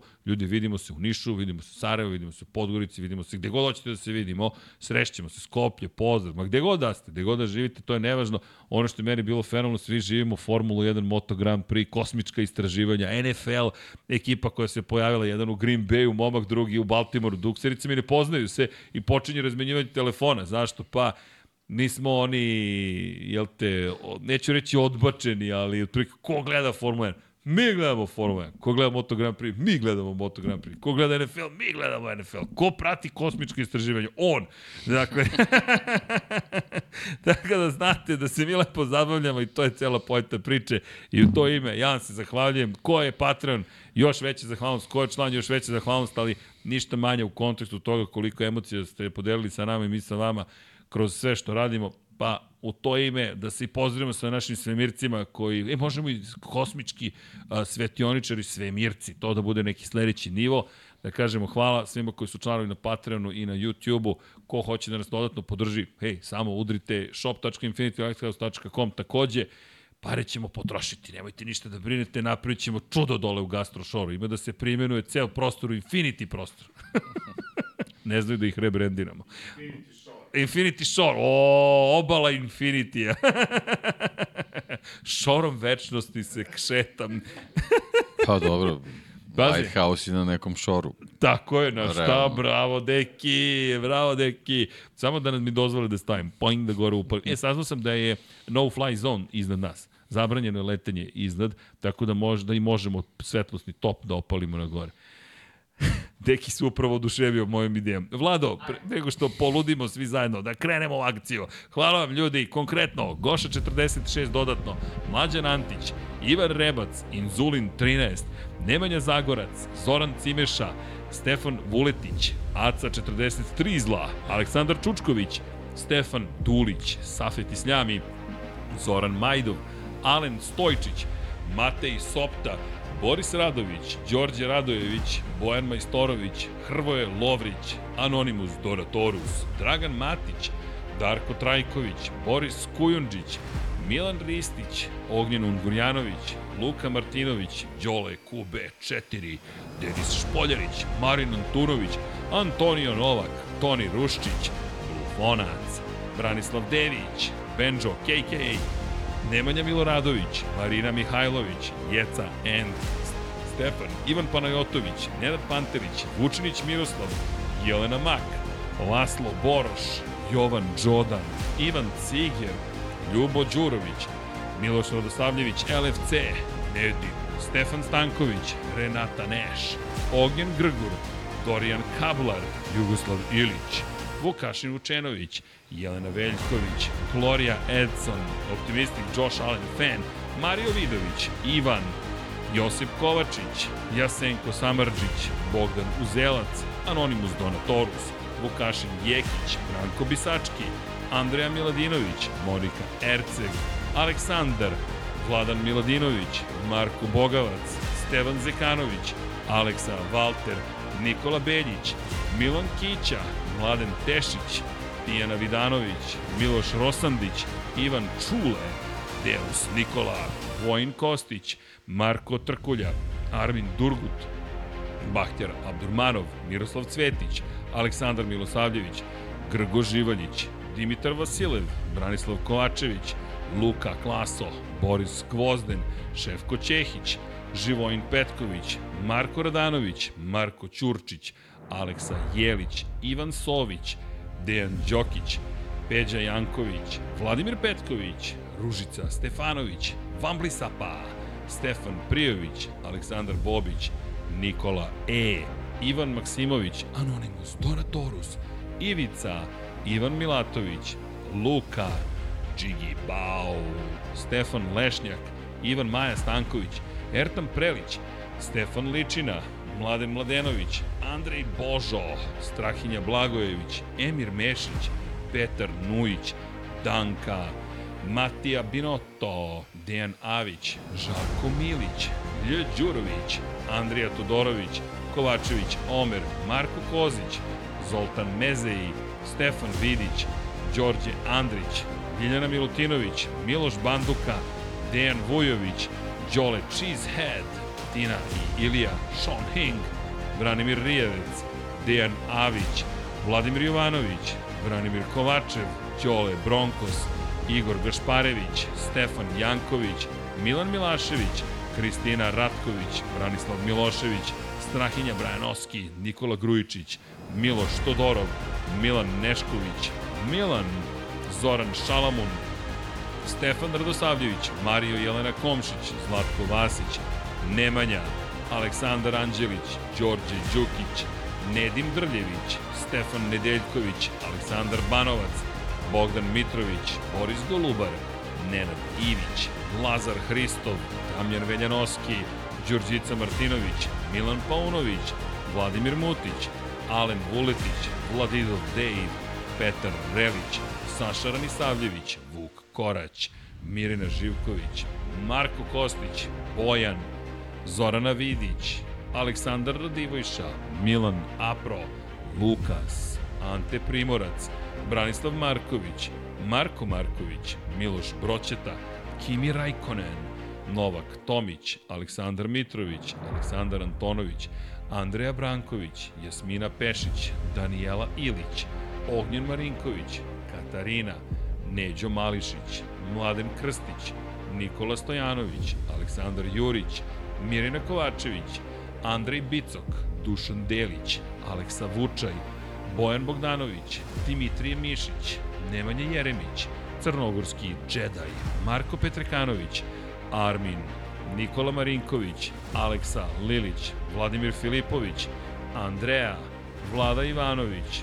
Miloš Vuletić, Nedo Lepanović, klub štovatelja Ramona Mjereza, Bata Brada, Kristijan Šestak, Igor Jankovski, Bojan Markov, Ivan Toškov, Pavle Nj, Đerman, Đorđije Lopušina, Simović Sarajevo, Nenad Simić, Ivan Simeunović, Miloš Rašić, Ivan Rečević, Igor Vučković, Nikola Božinović, Predrag Simić, Jugoslav Krasnić, Salim Okanović, Mihajlo Krgović, Životić Jovan, Da žena ne sazna, Zoran Baka, Marko Mostarac, Filip, Bojan Mijatović, Luka Manitašević, Veselin Vukićević, Borko Božunović, Vladimir Uskoković, Nebojša Živanović, Nikola Milosavljević, Đorđe Milanović, Daniel Kolobarić, Lazar Pejović, Vanja Radulović, Predrag Pižurica, Nemanja Labović, Žorž, Marko Blagojević, Dragan Nikolovski, Jelena Jeremić, Martin Gašpar, Luka Savović, Ferenc Laslofi, Mihovil Stamičar, Borislav Jovanović, Laslo Bolok, Klara Gašpar, Sava Dugi, Vladimir Stojedinov, Boris Erce, Ivana, Dejan Janić, Dušan Petrović, Šmele, Nenad Đorđević, Dušan Ristić, Stefan Milošević, Sel Šantić, Marko Horg, Srđan Sivić, Matija Rajić, Borislav Vukojević, Krorobi 00, Tomić Miloš, Zoran Mladenović, Mateja Nenadović, Nikola Božović, Kromit, Ejhil, Pujo, Domagoj Kovač Rajkov, Nedžad Mrakić, Škundra, Mrča, Vladimir Bulatović, Marina, Eldin Polovina, Nemanja Bračko, Marko Lučić, Hajrudin Hajdić, Mensur Kurtagić, Jovan Bojanić, Nikola Grđan, Bakadu, Marakos, Stefan Škrbić, Marko Bogavac, Future Graciano Rossi, Aleksandar Egerić, Slaven 84, Anonymous, Donatorus, Luke Williams, Bojan Gitarić, Nemanja, Penđer, Nikola Grujičić, Aleks Vulović, Oliver Nikolić, Milan Kamarunić, Predrag Zec, Bojan Stanković, Uroš Ćosić, Branko Rašević, Zlatko Marić, Vladan Đurić, Toni Soni 76, Miloš Stanimirović, Omer Sarajlić, Aleksandar Kockar, Pavle Lukić, Laslo Bolog, Tatjana Lemajić, Nemanja Cimbaljević, Filip Knežević, Galeksić, Ivan Magdelinić, Nemanja Miloradović, Petar Bjelić, Vukašin Vučenović, Marko Jevtić, Dejan Janić, Nikola Hrnjaković, Drago Veković, Katarina Stepanović, Din Stero, Almedina Kmetović, Vladan Miladinović, Jelena Jeremić, Vladimir Subotić, Ivan Vincetić, Milan Knežević, Milorad Reljić, Bojan Markov, Srđan Ćirić, Ivan Hornjak, Nikola Adamović, Almir Vuk, Dejan Plackov, Plackov, Saša Stevanović, Konstantin Linarević, Ivan Vujasinović, Nikoleta Minić, Đera 7, Vlada Ivanović, Mile Supodinov Ristov, Uroš Čuturilo, Peja MD, Bruno Jurić, Ada Sokolović, Blagoj Ačevski, Aleksandar Jokić, Aleksandar Radivojša, Igor Ninić, Đorđe Janjić, Amar Taso, Nikola Vulović, Ivana Vesković, Zoran Baka, Ivan Božanić, Mađar 007, Alen Jesenović, Vuk, Marko Stojilković, Žika Su, Jovan Bajić, Aleksandar Stojković, Edin Ustavdić, Marko Pavić, Vojislav Tadić, Miloš Zed LFC, Josip Buljovčić, Ljiljana Milutinović, Ivor M, Aleksandar P, Vladimir Vujičić, Resničanin i Točak sam oborio iza sebe. Točak je pao. Tu tun tun tinim pom pom pom pom pam panam pam pam pam pam panam pam panam pom pom pom. E, Vlado, moramo počnemo da radimo ono, znaš ono, Znaš o čemu smo pričali? To ti pričam, Vlado, Vlado ja. Evo, čutim Dekija, kujem planove. A Deki gleda telefon. Igraš Minesweeper, Da, pristaje. da, 100%, da. Ko se seća Minesweepera, neka klikne like. Pogotovo onaj ko je došao do ovog dela podcasta. Šaljem vam brdo ljubavi, ljudi, bilo je zabavno kao i uvek. Deki, ajmo da u Kataru bude neki new style igrica, da ne kažem utakmica, da ne kažem trka i da u poslednjem krugu i poslednjoj krivini padne odluka o pobedniku sve tri kategorije, jer Ćao, Ćao svima!